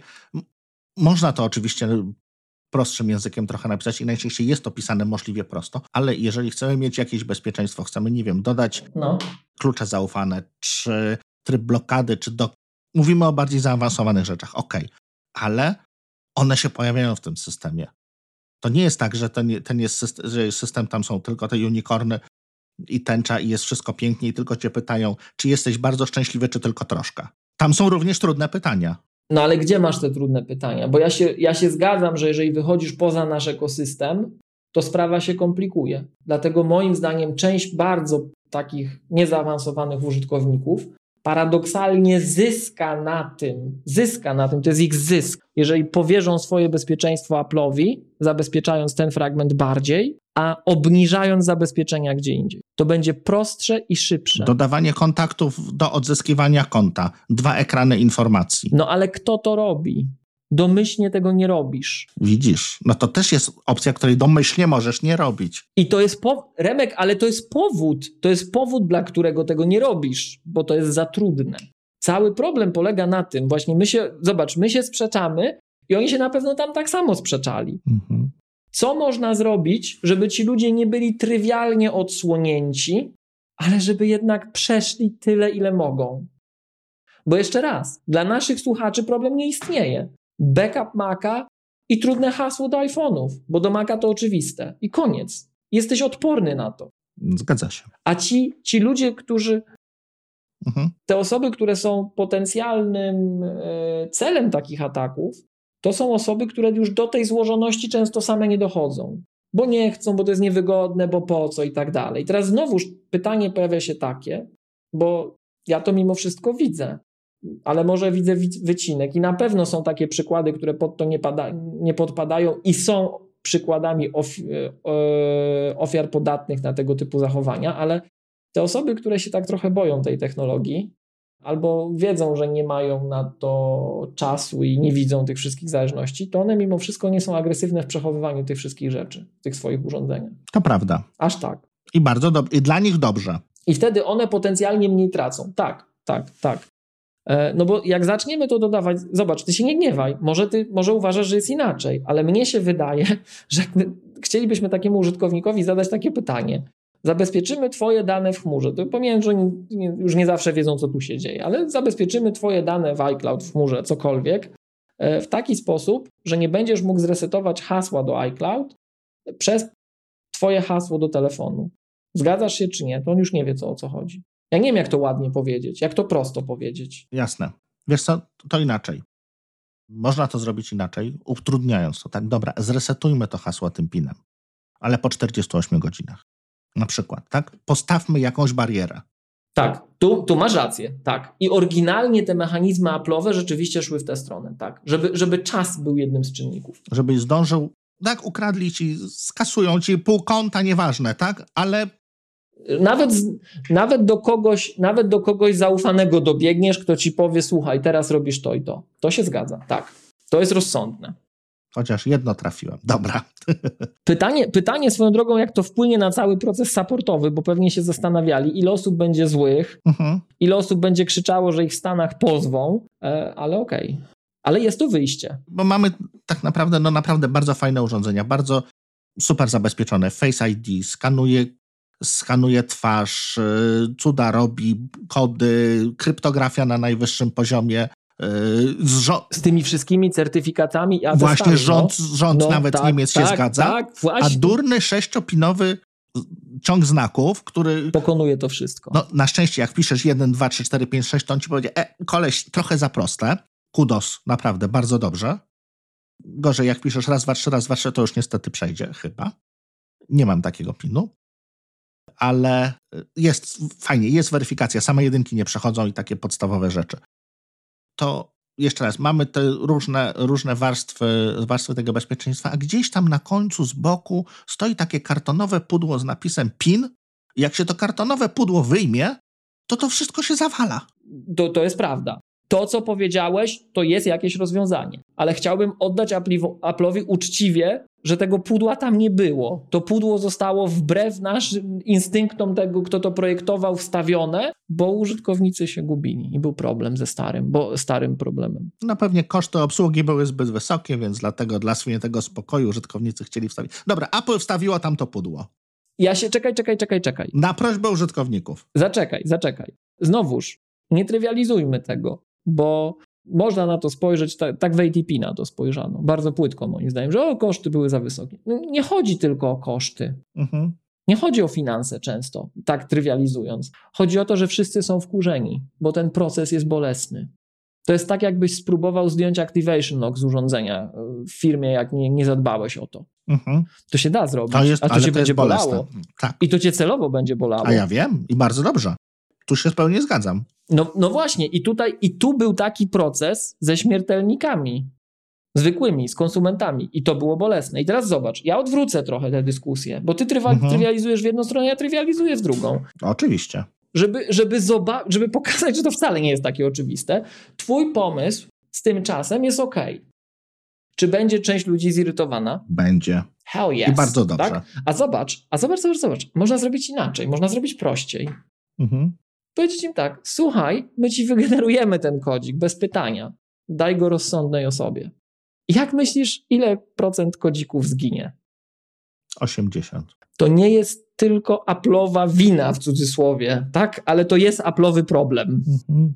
Ludzie. Znaczy zawsze są problemem ludzie tak naprawdę. Tak, no. tak naprawdę chodzi nie, nie tyle Apple'owy, dostawcy platformy. To, to mhm. Podobne rozterki ma każdy inny vendor. Oczywiście. Problemem Apple'a jest to, że oni w wielu innych miejscach załatali, no i pojawił się, pojawiła się kwestia, czy wstawiamy ten karton, o którym powiedziałeś. Wiesz i tak i tak, jeśli chodzi o tą drogę najmniejszego oporu, tak to nazwijmy, jeżeli chodzi o przejęcie konta i tutaj weryfikację zmian hasła, czy też Y, adresów, numerów telefonów itd., tak itd., tak to to też nie jest trywialne i Apple ma to naprawdę przemyślane. Niektórzy mają yy, na przykład, żeby daleko nie szukać Steam, w momencie, gdzie, gdzie zmieniasz mail, który masz przypięty do usługi, to nie weryfikuje ci na stary mail, hej, słuchaj, czy chciałbyś zmienić, tak, jako, jako ten, tylko e, właśnie zmieniłeś hasło, właśnie zmieniłeś mail, teraz jest powiązany inny. I koniec. Tak, musiałeś się do tego zweryfikować, ale zautentykować, tak? Ale sama weryfikacja nie jest potwierdzona już na, sam, na samym mailu. U Apple'a tak. U Apple'a jest to, jest tam ten taki też, też, też ten deadman switch, czyli jeżeli możesz anul, możesz po prostu dostając maila, że ktoś przejmuje twoje hasło, zmienia, te, przejmuje twoje konto, zmienia maila, możesz to anulować z tego linka. Mhm. Nie, nie u wszystkich to jest, więc Naprawdę jest dobrze to pomyślane, ale również w takim dobrze pomyślanym tym znajdują się jakieś takie, nazwijmy to drobne nieścisłości. Tu jeszcze taka jedna rzecz, bo żeby to padło z innego powodu. Mhm. Tak podnosiłeś ten scenariusz, że ci tego maka wyzerują. Tak. Mhm. No, może ci go wyzerują. Masz mieć backup. No tak. Podpinasz dysk, jedno kliknięcie i zrobione. Różne rzeczy mogą się stać. Mogą, może, mogą ci ukraść tego iPhone'a i go wyzerować. Może ci się Mac zepsuć. Słuchaj, może się zepsuć, wyobraź sobie. Oczywiście. Możesz go zalać. Możesz go rozjechać samochodem. Ukraść mogą fizycznie tego Maca. I utracisz dostęp do danych w każdym z tych przypadków. Masz mieć backup. No jak będziesz miał backup, to nawet jak już zawiodłeś siebie sam i resztę tej historii, tym słabym hasłem, które ci w barze przeczytano, to ten fragment masz załatwiony. I teraz, jeżeli synchronizowałeś te zdjęcia, całą resztę, to nie straciłeś. Masz mieć backup. Wiesz co? Jeden klik, podpinasz, klikasz, da. Znaczy inaczej, tylko że Apple wydaje mi się przynajmniej, że w pojęciu konsumenta mhm. tworzy takie wrażenie, słuchaj, my jesteśmy fajni, my ci synchronizujemy, to będzie u nas, nie musisz się tym martwić. Masz przecież, płacisz nam za storage dodatkowy, masz przecież e, iCloud Drive, masz Photos w chmurze, no to korzystaj, synchronizuje się, masz kopię.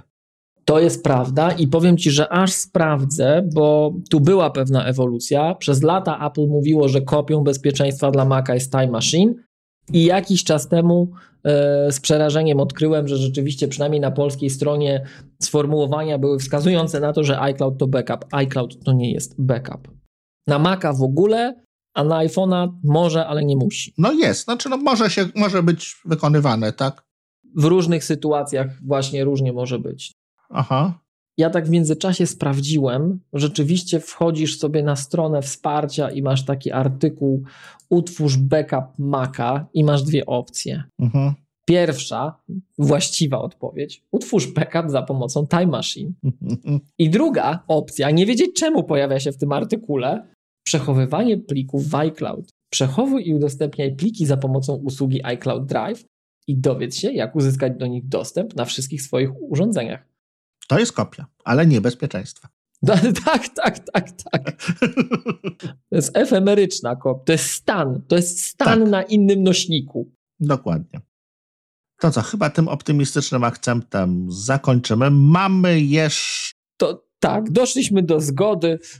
Jeszcze, tak, doszliśmy do zgody. Mamy jeszcze jeden drobny temat, powiedzmy, jeżeli chodzi o bezpieczeństwa i trochę powytykanie ich, tych luk, które się ostatnimi czasy pojawiały gdzieś tam i, i, i w ogóle podejścia do kwestii bezpieczeństwa przez Apple i jak sobie z tym radzą, jak są postrzegani na rynku również, bo to jest y, też bardzo ważne w gruncie rzeczy.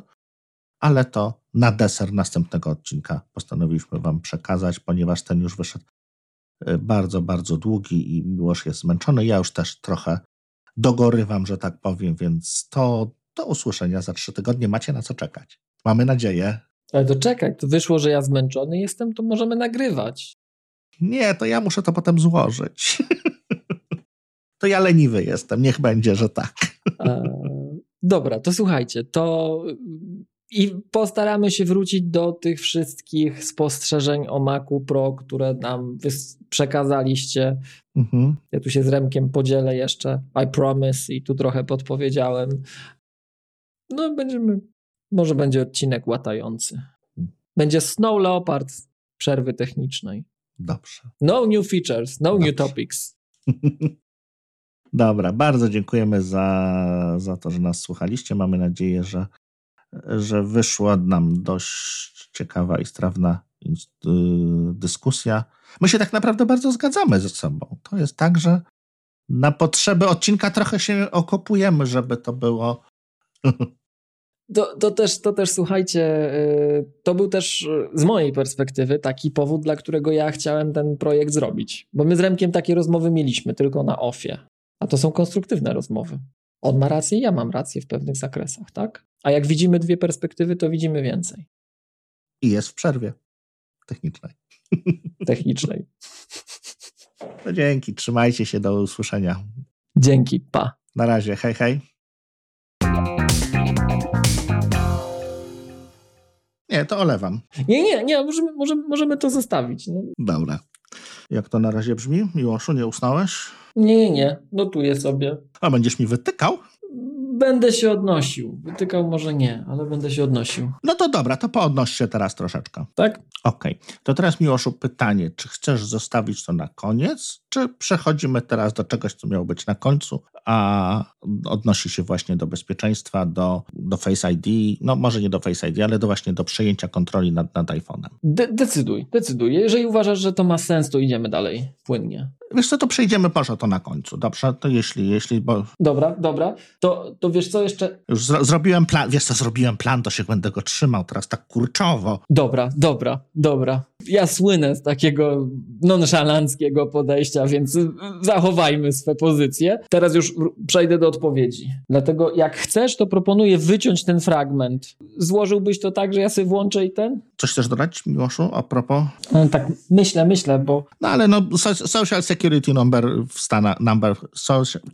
I co, i teraz ja już mam mówić? E, przesunęliśmy to no i mam wiertarkę, przepraszam, na to nie mam wpływu. Ja tak chcę, bo oglądam filmik. Spoko. Z zaczekaj, zaczekaj, zaczekaj, stój, stój, stój. Zaczekaj, zaczekaj, zaczekaj, stój, stój, stój, stój, stój, stój, stój, stój, stój. Wytnij to moje poprzednie zdanie, ja to powiem ładniej. Dobrze.